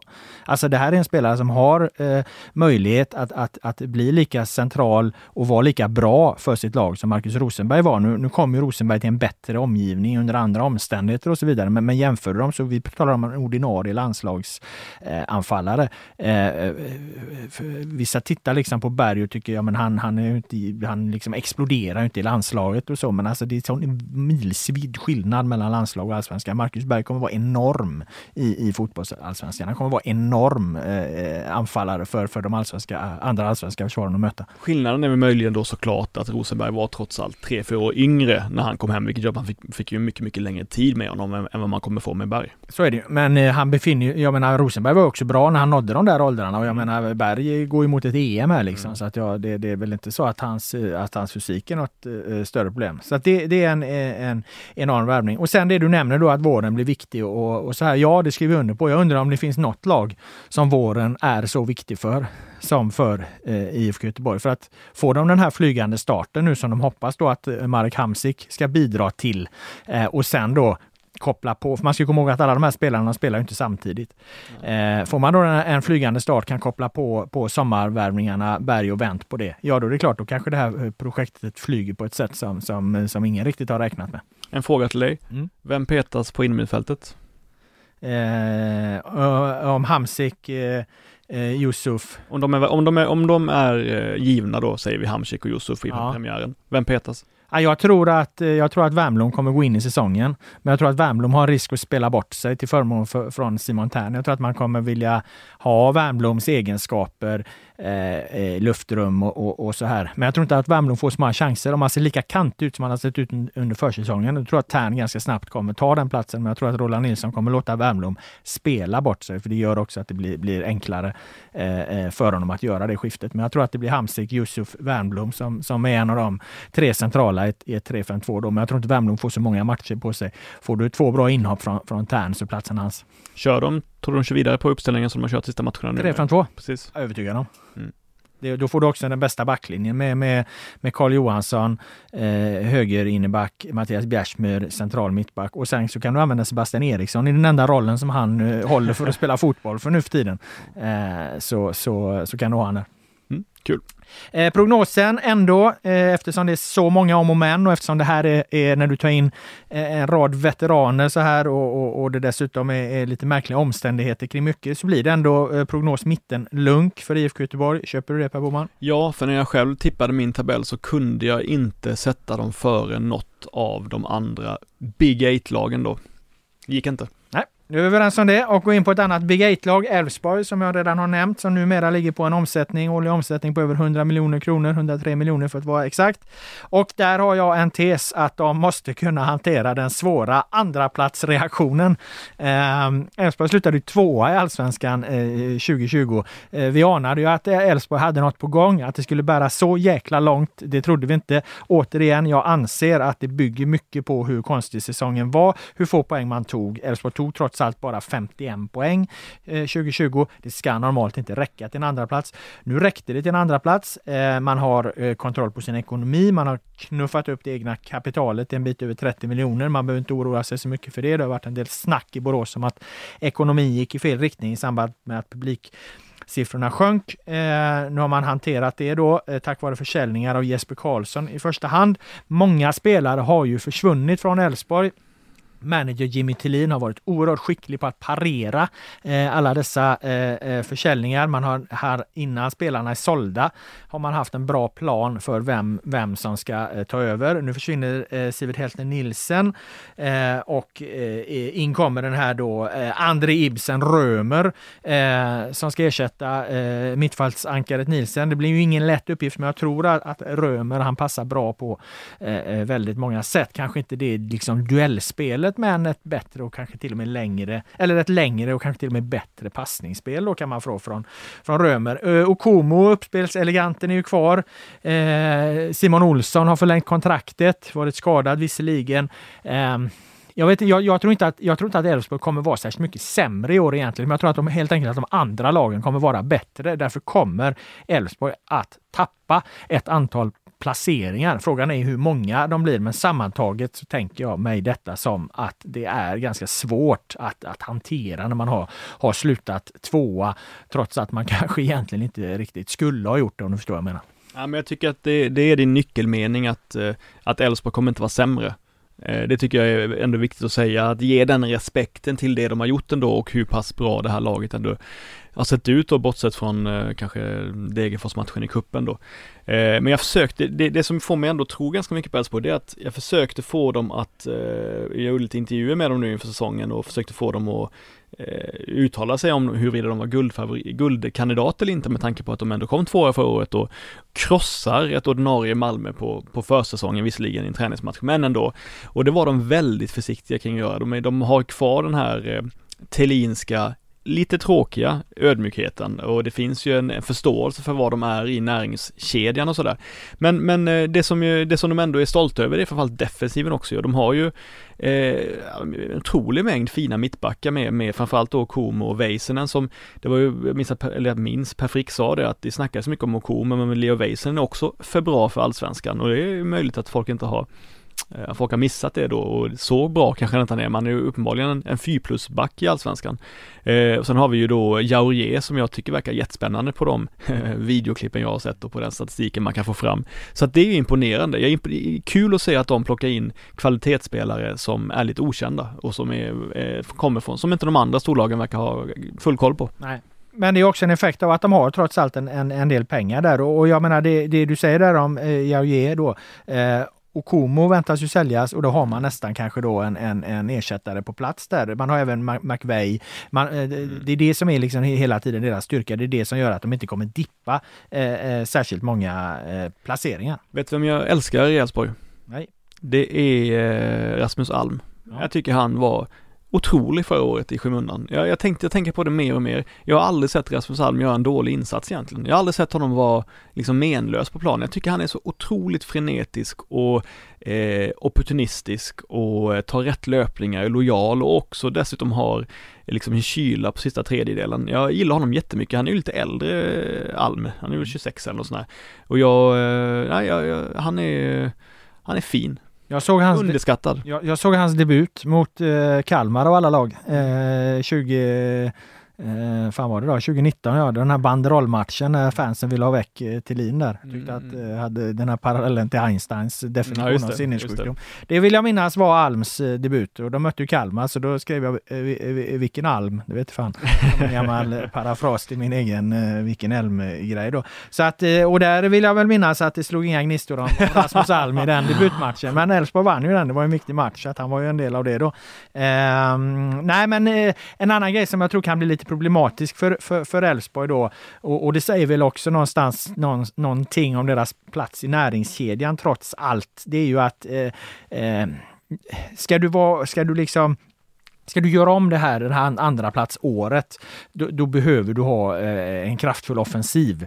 Eh, och du nämner Alm, du har Ockels på andra kanten. Visst, det, det, det är pigga och fina ytter, ytterspelare, men jag, jag, jag har svårt att se att Per Frick ensam igen bär den centrala offensiven över, över eh, 30 eh, omgångar. Jag tror att det, det, det, det, kommer kännas. Ja, och en stor fråga är också... Han är, kanske, han är en, vi pratar om MVP, han, i och med att han är, är, är så ensam i sitt slag i Elfsborg, så han är otroligt viktig för deras spel. Ja, men en stor fråga är också, vad händer om ett lag backar hem mot Elfsborg? Kan de, kan de nysta upp lag? Har de det i sig? Utan Jesper Karlssons X-faktor liksom när han drar in ett långskott om de inte lyckas med det. Så vi får se. Simon Olsson finns ju där och ja, som sagt jag tror att Römer kan vara, vara, vara, vara liksom en bättre alternativ än, än Heltner Nilsen i passningsspelet. Men tappar du det, dock då ankar ankaruppgiften där lite grann. Men, ja, men de har ju, där har där har de ju också eh, eh Holst så här, som, som ju är jättefin i det rent destruktiva defensiva spelet. Så jag tror att de ändå har ett fint skydd eh, för Simon Olsson. Det, jag är faktiskt inte alls orolig för Sivert Nilsson eh, nej. förlusten. Nej, nej, men den, som sagt, det har de parerat bra. Eh, sammantaget dock eh, så har jag en mittenlunk för eh, Elfsborg. Eh, Ja, det beror på med. Ja, jag, jag, angående det där med, jag tror att de kan ta sig förbi AIK av eh, de här eh, topplagen. Alltså, Resten jag, är jag tveksam kring. Ja, det kanske man ska definiera då vad det här egentligen innebär, men lite översiktligt så tänker jag mig att, att eh, bort bottensegmentet är plats 12 till 16. Mm. Eh, mittensegmentet är plats eh, 11 till 7 och toppsegment har du plats 1 till 6. Mm. Är du sexa så har du ofta en, en, en hygglig närhet till, mm. till toppstriden. Liksom. Mm. Men jag tror som sagt att, att, det, att, att eh, jag, jag, min prognos håller Elfsborg lite utanför där. Mm. Men du håller inte med. Noterar vi. Eller? Ja, men jag säger att jag tror att, jag tror att de är inte sämre än förra året och jag tror, de tar, jag tror att de kommer ha, av de andra eh, topp 8-lagen, har AIK bakom sig. Ja, vilket gör att de hamnar ju 6-7 någonting. Ja, okay. ja. Eh, vi går vidare, Djurgården, Djurgårdens IF, eh, som ju har gjort flest värvningar i hela allsvenskan känns det som. Eh, har inte räknat exakt, det är IFK Göteborg då, de slåss med om den, eh, om det nu är en titel mm. som är liksom värmningskung. Är det Superbosse eller är det Pontus Farnerud sett till numerären och eh, sett till eh, eh, kvaliteten, sett till namnen så är väl det Farnerud just nu som är, är allsvenskans silly kung eller? Om man räknar med de här sommarbomberna Berg och Wendt. Ja det får man säga. Så att eh, Superbosse har ju tid att ta igen det när det ska komma till att sälja spelare också som han brukar eh, vara skicklig på. Eh, vi hade Werner i, i, i Degerfors och Hasse Larsson i Mjällby som vi verkar på en annan nivå men också är duktiga. Men det är ett annat program program när vi rankar sportchefer. Här tittar vi på lagen. Och då undrar jag, kontinuitet, detta är min tes. Vad betyder det ens? Kan man här då ta in 10-11 nya spelare i en trupp mitt under en liksom eh, pandemi när, när eh, lagen knappt får umgås med varandra. De får ju träna ihop, men hur liksom hur svetsar man ihop ett lag? Eh, kan man jobba liksom med, med det taktiska på, på, på samma sätt på så, så kort tid? Jag tycker att Djurgården här blir, blir liksom, det blir ett intressant svar här och också på förmågan hos då de erkänt skickliga tränarna eh, Kim Bergstrand och Thomas Lagerlöf som ju var i en liknande situation 2019 och, och jag menar då vann ju för fan Djurgården allsvenskan. Då var det också mycket nytt och framförallt var de nya och vann direkt då. Eh, så att det här händer ju då och då, men, men, men, men, men hela den här situationen runt att jag har lite svårt att, att eh, förlika mig med att Djurgården kommer vara så himla bra bara för att man tar in tio nya bra fotbollsspelare. Jag tänker att det här måste ta tid. Det tar tid att bygga för att kontinuitet har alltid varit en framgångsfaktor. Men så ser man liksom på försäsongen att ja, efter liksom den här lite halvkrampaktiga 1-0 segern mot, mot, mot Brage så har de tagit storseger på storseger. Förvisso mot, mot eh, eh, inte jättestarkt motstånd alla gånger, men, men, men det funkar, funkar, ändå funkat väldigt bra och då, då tänker jag, är det då Lagerlöf och Bergstrand som är så otroligt skickliga så de liksom pang, pang, pang går in och sätter allting. Spelar kontinuitet inte längre någon roll. Handlar det bara om att hämta, hämta hit ett antal bra fotbollsspelare, ge dem en halv försäsong så, går, så liksom lirar pianot eh, finfint sen. Eh, jag tycker att det, det, liksom den här satsningen, det här läget Djurgården har hamnat i med mycket pengar. Vi ska tänka på att de har för fan 70 miljoner i kassan. De har 116 miljoner i eget kapital. De har gjort ett superresultat, största någonsin. Föreningens historia. Eh, över tid så är det inte orimligt längre att säga att Djurgården är det, den förening som ska vara nummer två efter Malmö FF. Eh, om man tittar strikt på, på ekonomin. Sen så, så eh, får vi se hur det blir med det, men det, det, går, det går att komma med det påståendet. Så det är många intressanta frågor där kring, kring eh, eh, eh Djurgården som ja, helt enkelt ska bli väldigt spännande att få ett svar på. Men, men liksom min tes, eller i det här fallet, är ju nästan en fråga då. Alltså vad fan betyder det här med kontinuitet? Betyder det egentligen ingenting? Nej, det är intressant. Eh, Minns att jag pratade med några spelare någon gång i januari, februari sådär och då var det väldigt, väldigt osäkert även internt. Vad står vi egentligen? Hur bra är de nya spelarna? Kommer vi få ihop det i tid? Och jag upplevde, upplevde då att det var, kanske inte sa det rakt ut, men det var en del som var lite skeptiska till om det verkligen skulle funka att få ihop så många nya på kort tid. Så de är nog rätt överraskade själva över att det har sett så bra ut som det ändå har gjort då i, i kuppspelet och i träningsmatcherna. Um, så att uh, jag vet inte, jag måste också så backa från vissa grejer som jag har tänkt. Jag vet när man stoppar in Magnus Eriksson som den offensiva spetsen på ett tremannamittfält, då kände jag så här, okej, okay, här kanske är ett misstag av, av Lagerlöf och, och, och Bergstrand. Mange är inte snabb nog kanske, kanske inte har rycket längre för att verkligen göra skillnad på kanten. Han kanske inte har den eh, liksom X-faktorn längre för att dominera ut i en så offensiv position liksom. Och tänkte jag, då vill de bara pressa in honom i laget när de sätter han där. Har han verkligen, kan han värdera lika bra i den rollen. Kommer han göra för mycket misstag kommer det bli sådär. Så jag tänkte, ah, det, det där är nog dumt. Sen har han sett på hur bra ut som helst, så att det får man ju backa från då att han, han var ju lite, spelade lite den rollen i Malmö för några år sedan också, för många år sedan. Så att det, där ser det jättebra ut, så att alla test de har gjort än så länge har ju fallit väl ut. Eh, Sen betyder inte det att jag tror att Djurgården kommer hota hela vägen inom SM-guld, för det tror jag verkligen inte. Jag tror att de kommer hamna mellan eh, mellan trea och, och trea och sexa.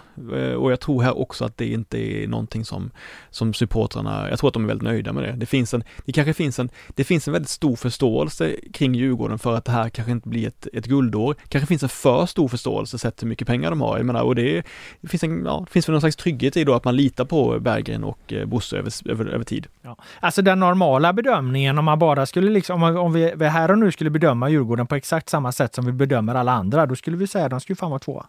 Mm. De har så mycket pengar. Mm. De ska vara tvåa, ingen snack liksom. Om vi säger då att, att, att ekonomi eh, bara styr allt och så. Och ekonomi styr allt över tid, men inte enskilda säsonger. Så därför kommer det in massa om och men och kanske. Och det är därför jag väger in det här med kontinuitet och så. Det som är intressant med Djurgården är då, om vi säger då att efter den här Brage-matchen så, så, så har det liksom, det har blåsts in en, en, en, en stark framtidstro hos både föreningen och, och deras supportrar då. Det, det märker jag inte minst på reaktionerna mot mig själv då, som hade en lite njugg inställning inledningsvis här. Eh, men då är min fråga till dig Per Boman och, och till alla andra egentligen också. Alltså, när fan dominerade ett lag på försäsongen och på hösten? Har du liksom sett ett lag som, som var, är bäst i början och sen också är bäst, alltså är bäst hela vägen. Jag tycker att det är väldigt ovanligt. De lagen som är lite halvtröga ser ju ofta eh, ser ju ofta lite... Eh, de som ser lite halvtröga ut i början, det är ofta de som blir bra sen de växer in. Kom ihåg Hammarby 2019 och även för all del Djurgården 2019. Liksom, de, här, det var liksom inte, de var inte dominanta inledningsvis. De växte under säsongen och blev otroligt eh, bra lag.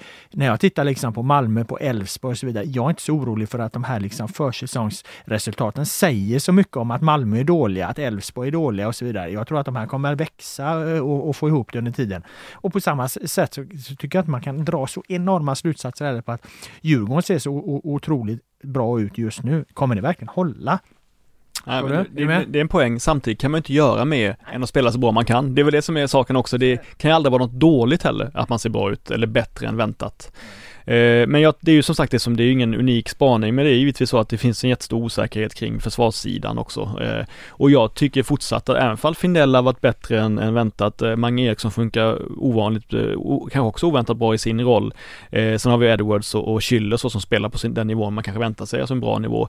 Jag, jag, jag är fortfarande osäker på, på eh, mittbackspar och eh, innermittfält. Jag, jag, jag, vet inte om det kommer hålla helt enkelt. Nej, men jag, en guldstrid med Nej, och jag är väl, bygger väl lite på den här här centrallinjen, sett i den ekonomin de har så tycker jag att centrallinjen nästan känns onödigt svag då. Man har ju mm, målvakt, eh, Vasutin där säkert bra, men intagen på lån trots allt. Det, det är väl ingen situation som man egentligen vill ha, att, att, att, eh, att ha hamnat i ett läge där man har målvakten på lån. Där vill man ju ha en långsiktig eh, lösning så, såklart. Bästa mittbacken är skadad då är Erik Berg. Vi vet inte hur det blir med han där. Ett helt nytt innermittfält som sagt. Är det bättre eller är det sämre? Ingen helt tydlig anfallslösning heller egentligen fram till att Kalle Holmberg nu då kanske har börjat leverera. Men återigen, eh, motståndet eh, eh väcker vissa frågor kring är, är, är, det liksom den här skyttekungskalle som är, är, tillbaka någonstans från den nivån eller, eller har han bara liksom levererat mot lite svagare motstånd? Vi får väl se där. Det är många frågetecken kring den här centrallinjen. Eh, det gör mig då ändå eh, beredd att eh, säga att eh, prognosen för Djurgården eh, 2021 är toppstrid. Absolut, Fight, stark fight om, om Europaplatsen. Då är vi överens där och går vidare till AIK. Och eh, AIK här har jag ju då en intressant tes också om jag får säga det själv. Mm. eh, det är unikt det här AIK-året skulle jag säga. Alltså I alla fall under alla jävla år jag har bevakat den här serien. Det börjar ju bli 20 stycken nu snart så att eh, det, det är ett tag. Eh, det är ett unikt AIK på det sättet att de här Gnaget går alltså in i en säsong utan vare sig tillstymmelse till någon form av hybris, att de helt eh, omotiverat ska vinna allting. Som det ofta har varit, alltså jag, hur många som helst, gånger som helst, liksom, då hela känslan runt AIK är att AIK tror att det här tar de hem. Liksom. Eh, Medan man bara, kolla på de andra lagen, alltså, den är ju inte i närheten. Eh, den har varit dominerande. Och har det inte varit det så har det istället varit ett jävla kaos och kris eh, som har lurat runt hörnet. Det, det, det har varit eh, maktkamper och, och, och, tränare som har hängt på repet eller liksom revolutioner och nya spelsystem och allt ska göras om liksom och så. det, det, det, det är otroliga vågor liksom. Enorma tonlägen. Det är ju AIK. Det är ju liksom, det är alltid så i AIK. För första gången någonsin är det inte så i 2021. Eh, jag ska inte analysera det djupare, så det kan jag göra lite senare.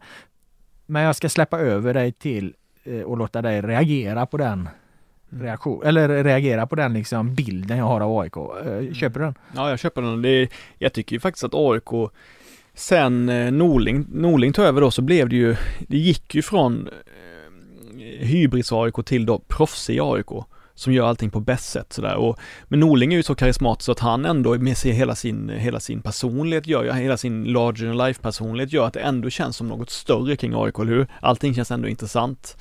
Eh, Bartosz har kanske inte riktigt den eh, med karisman än liksom, eller det att man, man kan inte lyssna lika mycket på honom och han kör också vidare mycket på det här att i AIK ska man vara professionell liksom, man ska göra det på bästa sätt. Vi ska inte berätta allting om skador. När vi möter Hammarby, då ska inte vi säga som det var förr.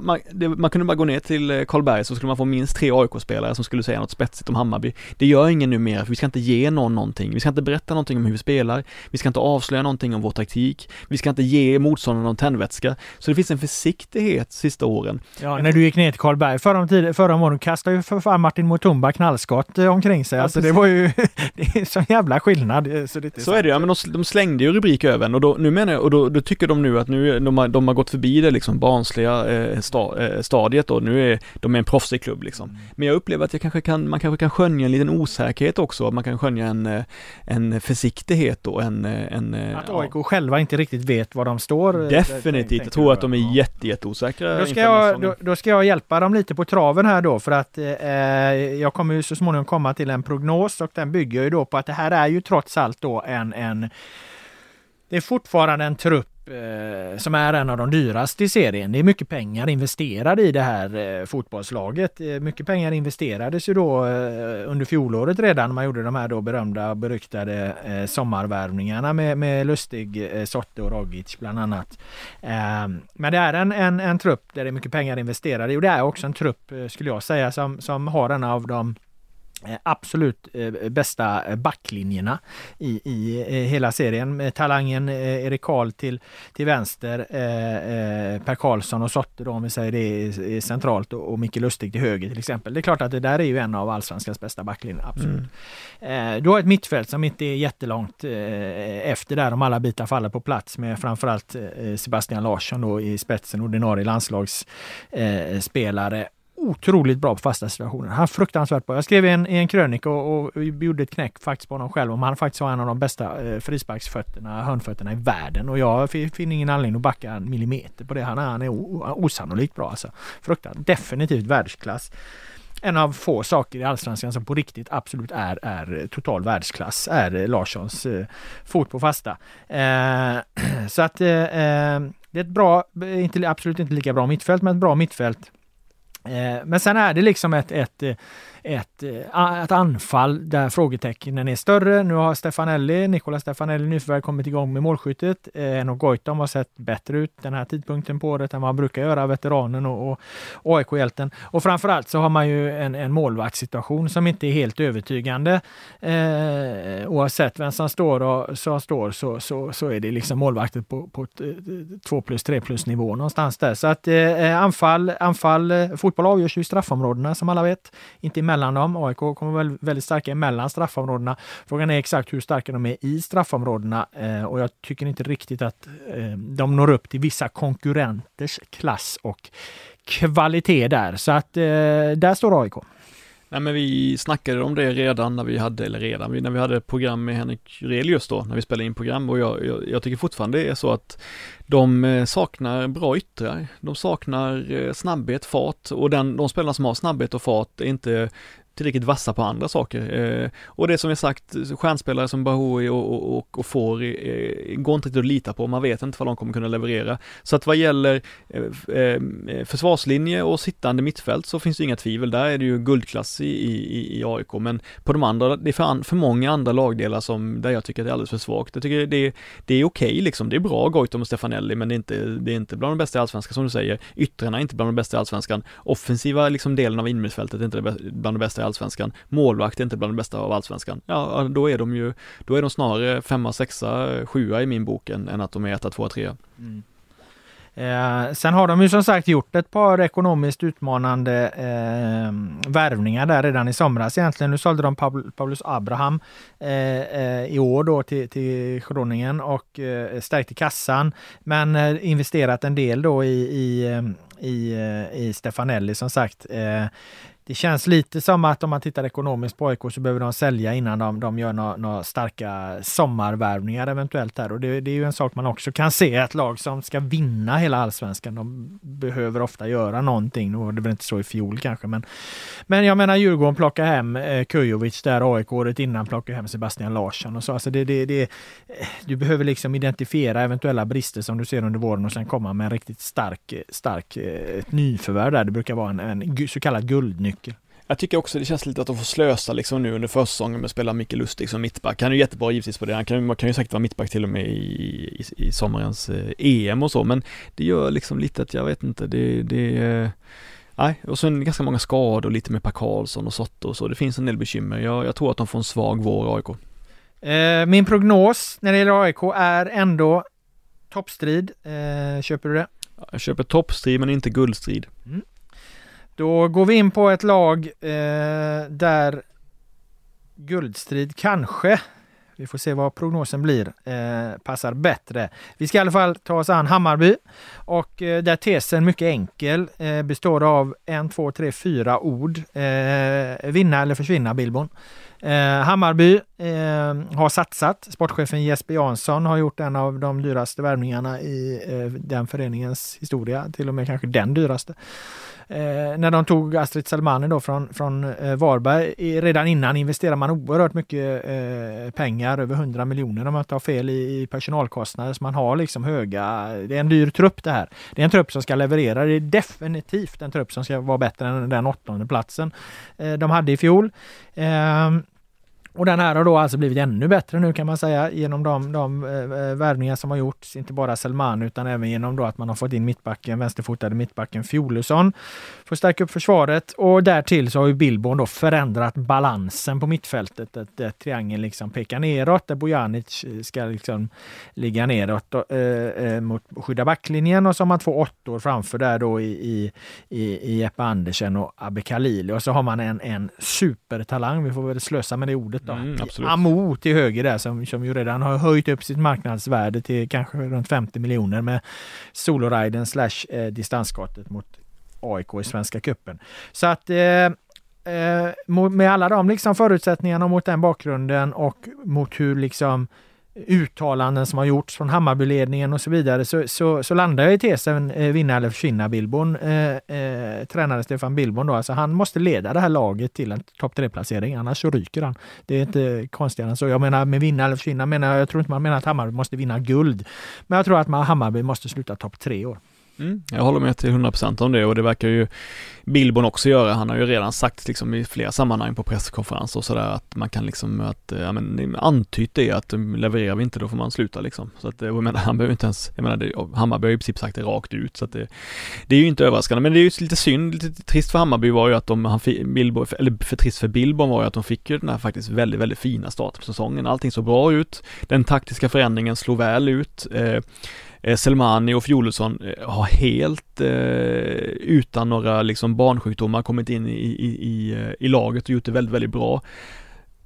Och de såg ju väldigt, väldigt, väldigt redo ut för säsongen. Sen åker de på det här eh, stora uppehållet då på, vad blir det? Kanske blir totalt två, tre veckor utan riktigt, riktigt bra träning. Eh, det kan ju, det kan ju faktiskt påverka ganska mycket. Det, kan, ju, kan ju skapa en osäkerhet igen. Det kan göra att eh, värdena, testvärdena på spelarna blir såklart allt sämre. Eh, den här känslan man fick in i laget kan ju försämras och Bilbo som kanske då gick stärkt ut från det inledande skedet av kuppen nu då hamnade lite mer igen då i lite nervositet och hur ska det här gå, hur ska det bli nu och så vidare mot Trelleborg och sen, och sen Djurgården i kuppen. Så att eh, det var helt synd det för, för Hammarby och för Billborn att de, att de åkte på det här covid-utbrottet. Men jag håller med dig, de har en startelva som är riktigt, riktigt, riktigt bra och eh, ja, det är självklart att det ska vara krav på, på topp tre. Ja, alltså hela den här eh, situationen med det här eh, covid-19 utbrottet i, i truppen och det är det största som en allsvensk Mm. förening, mig veteligen. Eh, Det är ju möjligt att vissa saker har mörkats och Det tror jag. det har man ju ingen aning om. Eh, Men, men det känns ju som att det är det största, det som har påverkat mest. Och, så, och jag, jag har ingen aning om vad det tar vägen. Jag vet hur svårt sjuka är spelare, vilka spelare är sjuka. Är det liksom så att en, en rad bärande spelare har liksom fått svår co- covid-19 och alltså eh, tappat allt de har byggt upp, då kan det få enorma konsekvenser där. De har dock varit tydliga med att de flesta har väldigt lätta symptom. Ja. Somliga har inga symptom alls. Ja, men när du lägger det, då kan du fortfarande ha fyra stycken. Ja, ja. Säg att du har fyra bärande spelare i centrala lagdelar som har varit svårt sjuka. Det utesluter ju inte det här liksom. Nej, nej, nej. Eh, hur, hur kommer det påverka? Jag tror att här vill man ju hålla ner eventuella, liksom, man vill inte förstärka den här negativa bilden. Liksom, Mm. man försöker hålla det här så smooth som möjligt i sin kommunikation. Så att säga. Så att, eh, ehm, ja, det, det, det där är ju ett, eh, väldigt svårt att veta vad det ska ta vägen. Eh, Sen så tänker jag lite så här, vad händer med alla andra klubbar? Kommer de också få sådana här utbrott? Nu befinner sig pandemin i ett sådant läge att, att eh, ja, nu var fick Hammarby innan, men är det Djurgården, åker Djurgården på det här i, en vecka in i serien? Och är det när, när liksom de måste stänga ner sin verksamhet mer eller mindre, ska de då, då kommer vi inte, kanske inte flytta matcher längre. Måste då Djurgården eller något annat lag skicka ut juniorlaget så här? Så att det väcker väldigt många frågor kring det här. Frågor som det, det är fullständigt omöjligt att ha svar på. Ja, och det kommer ju bli årets mest väntade liksom skandaldebatt kommer ju vara sen när i maj ett annat lag får ett lika stort utbrott och de inte kommer få skjuta på sina matcher. Det finns ju liksom vissa parametrar som gör att det är möjligt för Hammarby. Kuppen spelas under längre tid, eh, det finns liksom inga begränsningar med att flytta fram lite. Eh, kuppen är också inte riktigt så här SEF-anordnat, inte exakt samma regler. Det har ändrats lite med, eh, ja, med Sverige som land ser allvarligare på vissa delar av pandemin liksom, vilket gör att man måste ta större vad säger man, sanktioner om det väl händer någonting och sådär. Att, eh, att det finns flera sådana parametrar, men det, det kommer ju bli så att sen när, när ett annat lag får det här utbrottet, vilket det säkert kommer bli, de kommer förmodligen inte få flytta för att det allsvenska schemat är så tajt. Då kommer det bli, eh, då kommer det bli eh, mycket, mycket bråk. Jag tror också det kommer bli svårare för fotbollen nu om ett lag skulle få en, ett eh, stort utbrott och eh, smittskyddet kan inte garanteras. och Allt det. Jag tror det kommer bli svårare rent eh, Ja men i den allmänna debatten och säga äh, vi kör på. Mm. Jag tror det blir mycket tuffare än när diskussionen hade, när du hade den runt eh, Helsingborg-Djurgårdsmatchen där. Mm. Alla var ins- inställda på det här och så och, och tonläget var ett annorlunda som du säger. Mm. Nu har ju Sverige liksom snävat åt sin strategi eller det här, Mm. det här liksom. Så att det blir nog svårare också och, och, inte flytta matcher helt enkelt. Mm. Det, det, Allsvenskan kommer ju prövas där utifrån att det nu blir den här typen av utbrott i andra föreningar också.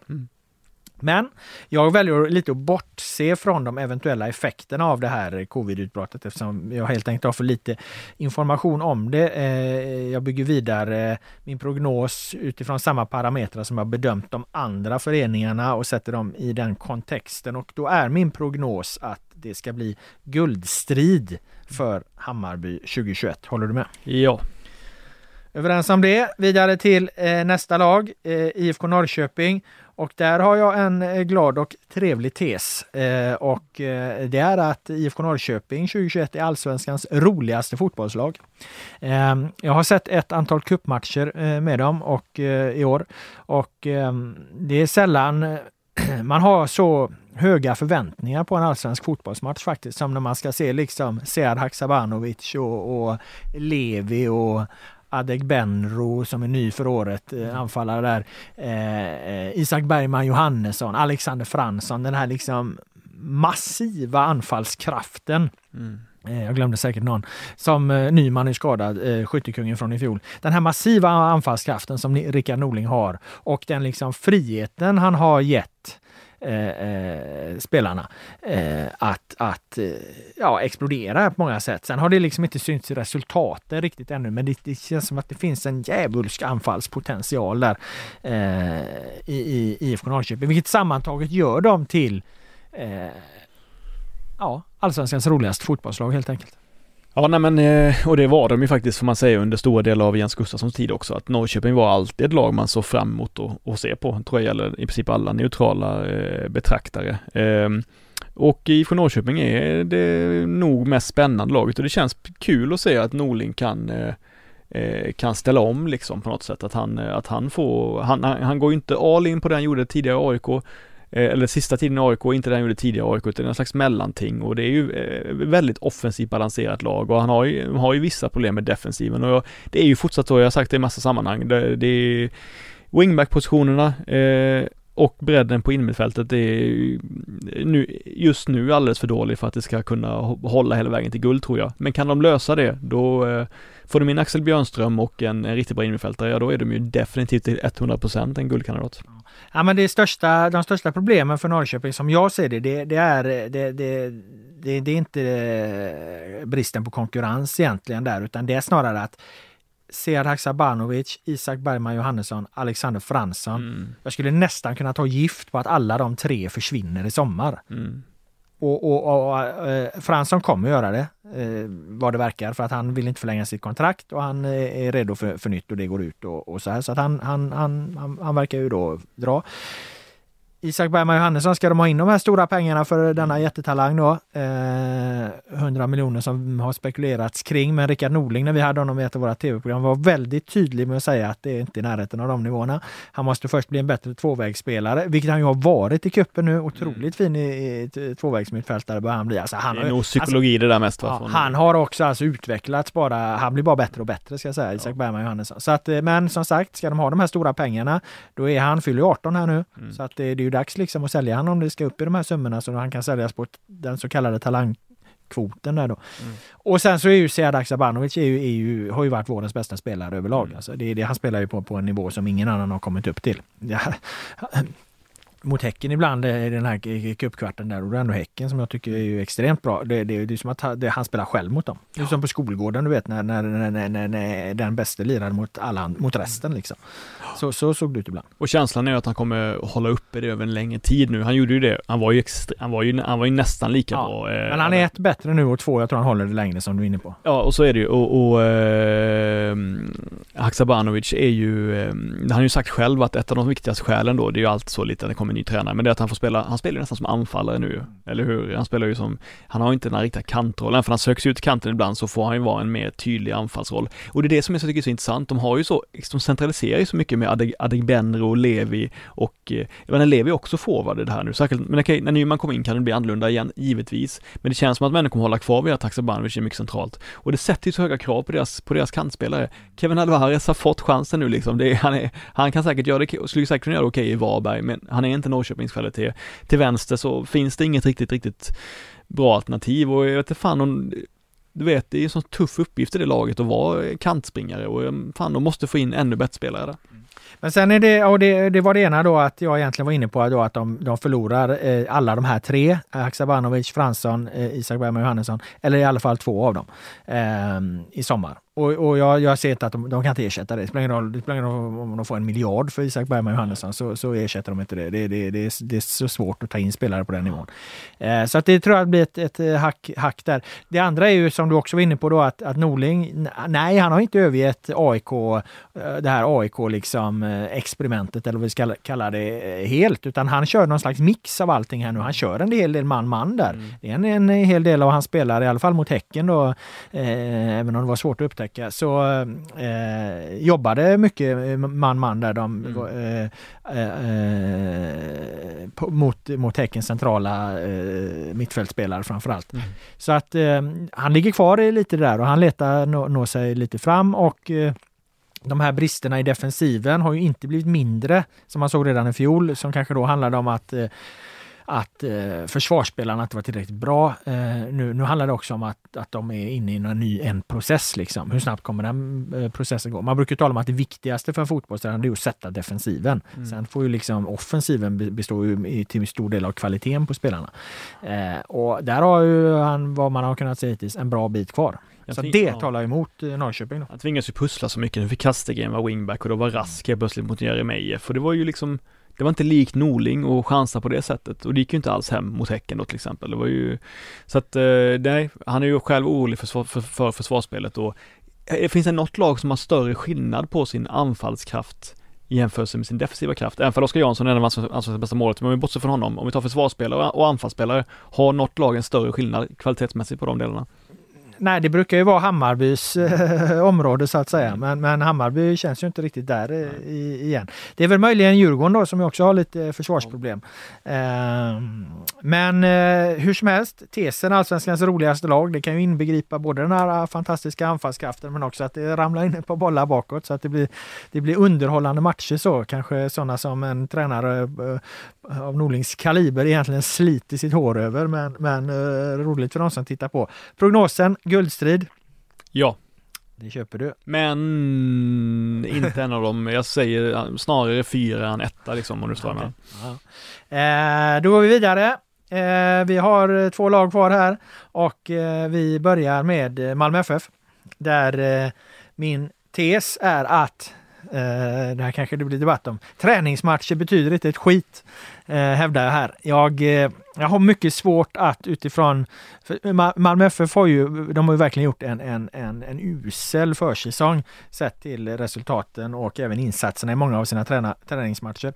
Sen kan man även lägga på kuppen här där de ju eh, eh som de åkte rakt ur gruppspelet efter två raka förluster mot, mot superettanlag. Så, så sammantaget så har de gjort en katastrofal eh, ehm, försäsong. Så att om man liksom ska hävda då att försäsongen någonstans säger väldigt mycket eller att försäsongen och träningsmatcher betyder väldigt mycket, ja då har ju Malmö rasat fullständigt. Men jag hävdar då eh, till Endores eh, Endores envishet här att träningsmatcherna betyder faktiskt inte ett skit och eh, jag tror också att eller de betyder så till, tillvida att, att eh, vi vet ju inte riktigt vad Malmö egentligen, eh, hur, hur, hur, Malmö hade planerat det här. Eh, var tanken att nyförvärven skulle komma så sent? Försökte man helt enkelt se om man kunde klara sig utan att behöva göra några nyförvärv?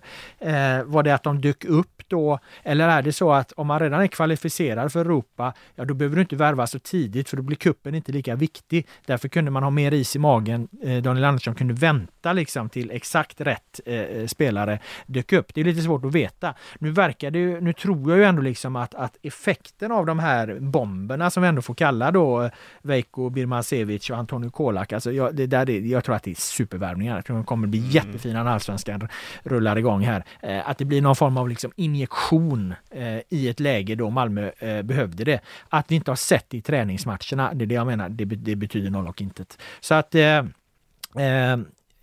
ja, jag behåller Malmö FF som ett lag, eh, ja men som, som ja, utifrån ekonomi och allting så ska de ju förstås vinna den här allsvenskan. Och, och då går det inte att värdera träningsmatcherna på det sättet. Då betyder de ingenting. Det är min tes. Ja, det är klart att det, hade det bara varit två eller tre stycken dåliga, då hade man, då hade man, eh, då hade jag hållit med liksom att man inte ska värdera det så mycket, men nu när det varit så, sån otroligt lång svit. Måste stå emot! Ja, av dåliga insatser, då, då tycker jag ändå att man måste fundera kring det, att man måste, de bör bli oroliga. Med det sagt, jag tror de vinner sina tre första matcher i Allsvenskan och eh, ja, sätta alla andra på plats. Trots att de har Blåvitt, Hammarby och Häcken.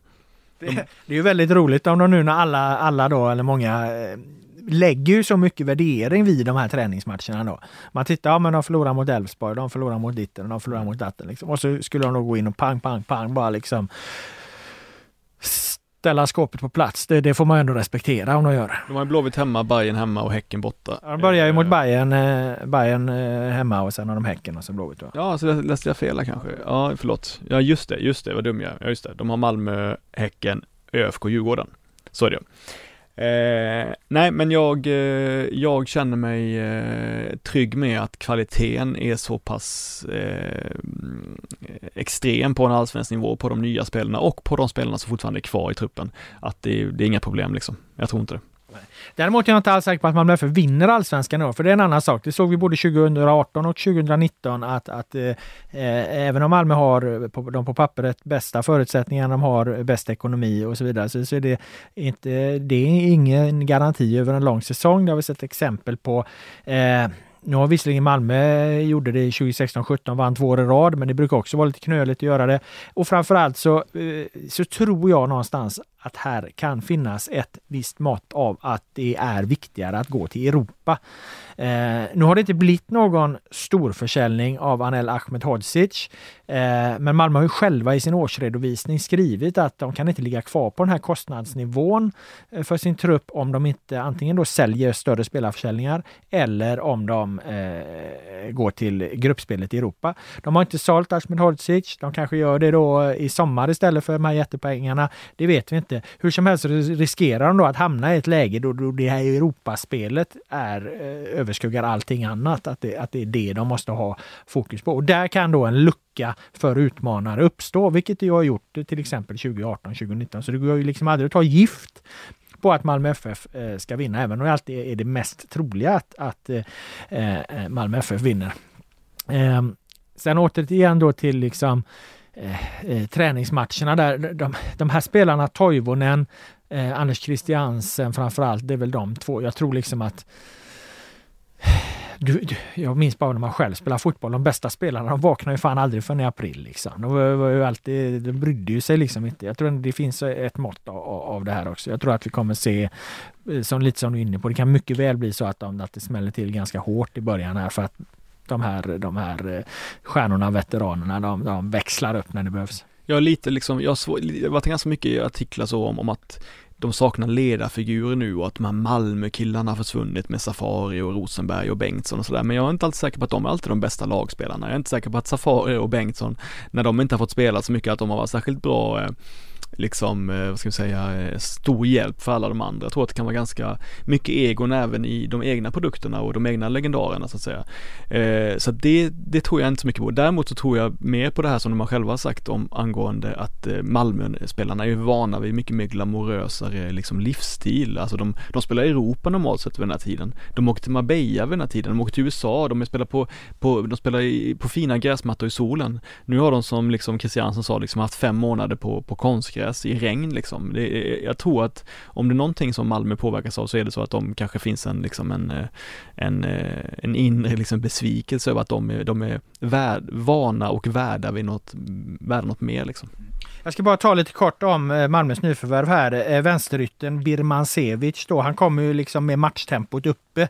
Mm. han har mål och assist i kroppen från, eh, från serbiska ligan. Och han har alltså gjort, senaste fyra säsongerna har han snittat runt 30 tävlingsmatcher. Han har blivit bättre och bättre för varje mm. år utifrån eh, vad jag kan se. Extremt aktiv spelare, växlar mellan dribbla, skjuta, slå inlägg eh, från kanten. Jag tror att han kan bli en idealisk nyckel nyckel för Malmö FF mm. eh, mot lågt motstånd som de ofta möter i, i, i allsvenskan. Han är väldigt varningsbenägen dock, så han får väl vila lite då och då. Nu, nu, nu nu eh, kan man ju dra på sig ganska många varningar innan man blir avstängd. Så att, eh, men, eh, men som sagt, eh, lågt motstånd, jättenyckel för Malmö där. Och eh, Antonio Kolak då känns ju i alla fall på pappret då att jag har sett jättemycket av honom. Han har ju varit bänkad en hel del i, i, i grekiska PAOK. Då. Eh, men på pappret är det en perfekt ersättare för eh, Isak eh, eh Kiese Thelin. innan han då gick vidare till, till PAOK så, så sprutade han in mål i kroatiska ligan. Och det, jag kan omöjligt säga att det är en slump när samma spelare gör över 15 mål, tre enskilda eh, säsonger. Jag ser honom som en potentiell allsvensk skyttekung 2021. 100 från straffpunkten senaste fem åren. Ja men det man ser hos honom också är ju att han, eh, jag tycker han, jag tycker han verkar vara mycket, mycket mer renodlad målskytt snarare. Alltså Isak Kristelin var ju bra målskytt men också jätte, jättebra, jätte, jättebra i spelet. Eh, det är inte säkert att Malmö kanske alltid behöver en anfallare som är jätte, jättebra i spelet. De kanske bara behöver en Kjartansson typ som sätter varannan chans och det får man ju definitivt intrycket av att Kolake. Så att eh, jag håller med om att båda de två ser eh, ut att spela på en, eh, vad ska vi kalla det, Toivonen Christiansen nivå. Prognos guldstrid? Eh, prognos eh, att de vinner guld. eh, då är vi framme vid det sista laget i den här sammanställningen och avslutningen på våran eh, premiäravsnitt eh, i den här podden. Och det är BK Häcken. Eh, och där är min tes att eh, tränaren Andreas Alm och sportchefen Martin Eriksson, ny sportchef eh, då nu, han har varit assisterande till legendaren Sonny Karlsson som har gått i pension. Eh, men i alla fall Alm och Eriksson, de har satt ihop en perfekt påse löst här. De var trea i fjol och de är det lag som tydligast har förstärkt bra i alla lagdelar förutsatt att alla spelare kan spela här nu. De har förstärkt försvaret med eh, Martin Olsson eh, till vänster. De har förstärkt mittfältet med eh, Tobias Heinz som jag tror kan bli en av årets, eh, ses som en av årets stora värvningar framöver här. Och framförallt det de definitivt saknade i fjol, de har fått in en, en stark målskytt på topp då i, i Alexander Jeremejeff. Tittar man liksom på, på, på eh, truppsammansättningen, spelartyper, ålder, var de befinner sig. Man brukar prata om tränare och, och så här, eh, sådana som kan det här bättre än vi, de brukar prata om att man behöver en bra liksom, mix mellan, mellan hungrigt och, och, rutinerat och så. Det känns som att Häcken har en väldigt, väldigt sån fin mix. De har fått in eh, eh nycklar och pusselbitar eh, precis eh, eh, där det behövs. De har en jättetalang i eh, Beni Traoré Eh, Benin, Tra Benin Traoré, eh, 18-åring från Elfenbenskusten som, som ligger till höger och gör ett jättejobb i det här återerövringsspelet som Häcken var otroligt eh, skickliga på mot Norrköping så länge de orkade. De har haft en lite stökig försäsong där. De har välorganiserad defensiv som har fått spela tillsammans väldigt länge. Jag tänker att någon jävla gång måste det där betyda någonting. Att du får um, lejonparten av en backlinje att spela ihop. Ekpolo, varför, han är ju hur bra som helst. Kanske liksom defensivt. Han är inte bättre än Lustig, men och det finns ett, en rad bra, bra högerbackar i Allsvenskan. Väldigt bra defensiv högerback. Eh, du har eh, Jona Toivo då eh, eh och eh, nu ska vi se nu. Rasmus Lindgren. Rasmus Lindgren eh, centralt och sen får man in Martin Olsson till vänster då. Eh, en backlinje som, som rimligen borde vara väldigt samspelt. Eh, framför där har du, har du Berggren och Friberg och då Falseta som ersätter ibland. Så att jag menar, det här är ju ett centralblock då som har gjort väldigt många matcher ihop på många sätt.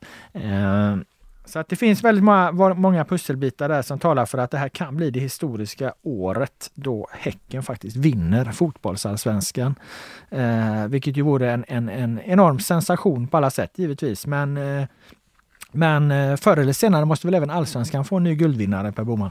Eh, ja men det är väl en övertygande liksom tes du driver. Jag tycker väl att det finns vissa eh, frågetecken ändå. Eh, jag ser det, jag håller med Ekpolo Polo kan jag ju tala mig varm om länge om han är, jag skulle säga att han kanske är den bästa rent defensiva högerbacken. Jag tror han kanske till och med är bättre än Lustig på rent en mot en dueller defensivt. Sen har Lustig flera andra delar av sitt spel som där han är klart bättre än Ekpolo Polo givetvis. Ytterbackspositionerna är otroliga, fantastiskt, jätte, jättebra givetvis. Men mittbackspositionerna, Toivo har länge varit bra men Lindgren, är han fortsatt så bra? Kan han kanske leva lite på gamla meriter? De har Johan Hammar där också, men Johan Hammar är en helt annan typ av mittback än Lindgren sådär, så att då tappar man ju jättemycket av deras, deras spel också om man skulle få bort, ta bort Lindgrens fot. Så att eh, jag är lite, jag börjar bli, känna lite kanske att det har gått ett år för lång, för lång tid för När man tänker på eh, Rasmus Lindgren där, hur de nu har gjort tecken när eh, Ekpolo varit skadad så har de ju flyttat ut Toivo som precis, högerback, precis. kört med Hammar mm. och Rasmus Lindgren. Så jag tror nog att han är, är eh, i alla fall vad det verkar nu då, cementerad där. Och sen börjar jag känna lite på innermittfältet också. Jag, Bergen är en favorit i den här podden. Han är bra, absolut. Friberg går sönder. Sett riktigt bra ut eh, för ja, övrigt i, under kuppen här nu, Gustav Bergen. Friberg går sönder mot, mm. Eh, mot Norrköping och det är inte konstigt om han till slut börjar få lite sån den typen av svackor och skador. Friberg är också en, en, en favorit, eh, jätte, jättefin, tydlig 4 plus-spelare i alla år som har både tekniken, frenesin, fulheten och han har egentligen, han är en komplett innermittfältare. Men jag tänker att även han borde påverkas lite, han är åt sexa sådär. Mm. Ja, jag, och Faltetas tycker jag är en bra truppspelare, men ingen som kan spela så mycket om de ska gå för guld. Däremot Heinz, absolut, riktigt bra att få in honom eh, med tanke på att det sätter också press på Irandust. Eh. Irandust vill ju förmodligen inte förlänga och sådär och tänker väl säkert att han är extremt viktig för Häcken. Får de in den här eh, dansken då istället som dominerar så blir, så blir det ju lite... Norrman! Norrman, förlåt, så blir det lite, ja är han det då? Är ja, han, absolut. Okej, okay, ja. Så blir det ju lite jobbigt för, för, för Irandus liksom. Så det tycker jag är bra sportchefsarbete på något sätt. Mm. Och han verkar ju väldigt bra. Yttrarna, ja, Traoré absolut. Leo Bengtsson, Wålemark och sådär. Men jag tycker inte att det är, jag tycker att det finns an, många andra lag som har trots allt vassare där vi, anfallspositionen är fantastisk 5 plus, men, men jag säger ändå att det finns, jag är inte totalt övertygad om mittback, inne mittfält, sittande mittfält och yttrar. Det som knuffade mig över kanten var, var just att de besegrade, var i mitt tycke faktiskt där och då var ett mycket bättre fotbollslag. Att man genom liksom lika delar eh, eh, taktik och eh, bra tränararbete kan besegra Norrköping. Ja. Eh, trots att alla parametrar egentligen talade för att det här skulle, skulle bli en, en, en, en Norrköpingsseger. Så det hade man liksom, och man gjorde det på lite olika sätt under matchen. Så länge man orkade hade man det här återerövringsspelet. Sen kunde man vara bekväma när man kröp tillbaka i en, i en eh, organiserad eh, defensiv. Otroligt effektiva på de få chanser eh, man väl skapar. Gick väldigt snabbt i det här mm eh, omställningsspelet. Absolut. Så att jag, jag, menar, jag tycker att de, jag, jag, köper invändningarna, de enskilda invändningarna på spelarna, men i det här systemet där man liksom någonstans utnyttjar den moderna fotbollens eh, alla bestående delar med, med liksom fart. Det går fort framåt. Eh, man har, man, man, när man anfaller och ställer om. Det, det går fort. Till skillnad från AIK och IFK Göteborg så är det fart liksom på de här spelarna på ett, på ett helt annat sätt. Eh, återerövringsspelet är ju jättepopulärt. Alla, alla använder det, alla försöker göra det bra. Häcken har, har arbetat med det här ett par år och, och fått till det bra i kombination med att det är en välorganiserad defensiv och är att förglömma två bra målvakter. Mm, absolut, de har ju den bästa målvaktsuppsättningen i hela, i hela allsvenskan.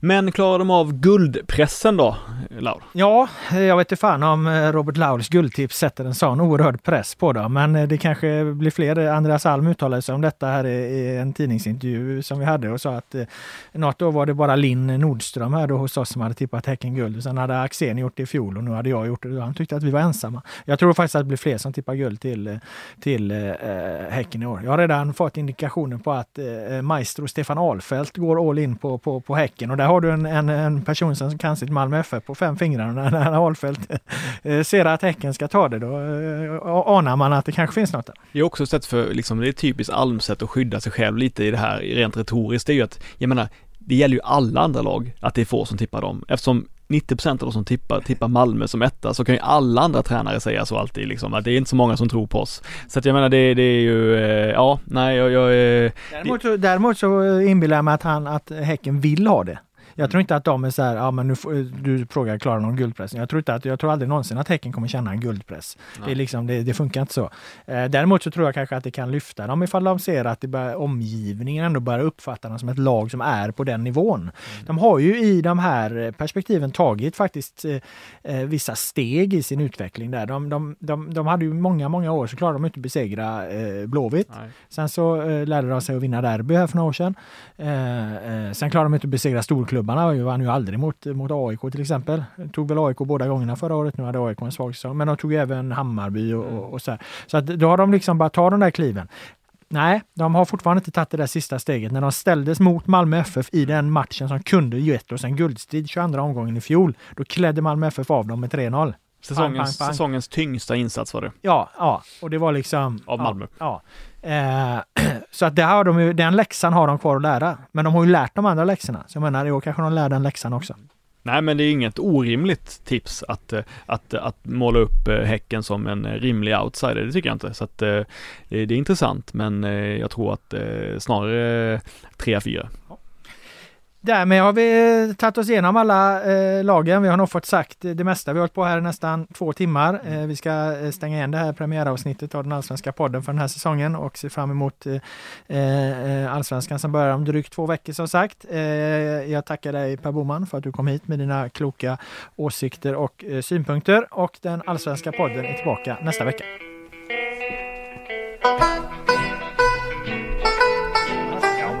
Jag tycker, jag tycker ändå det var ganska raskt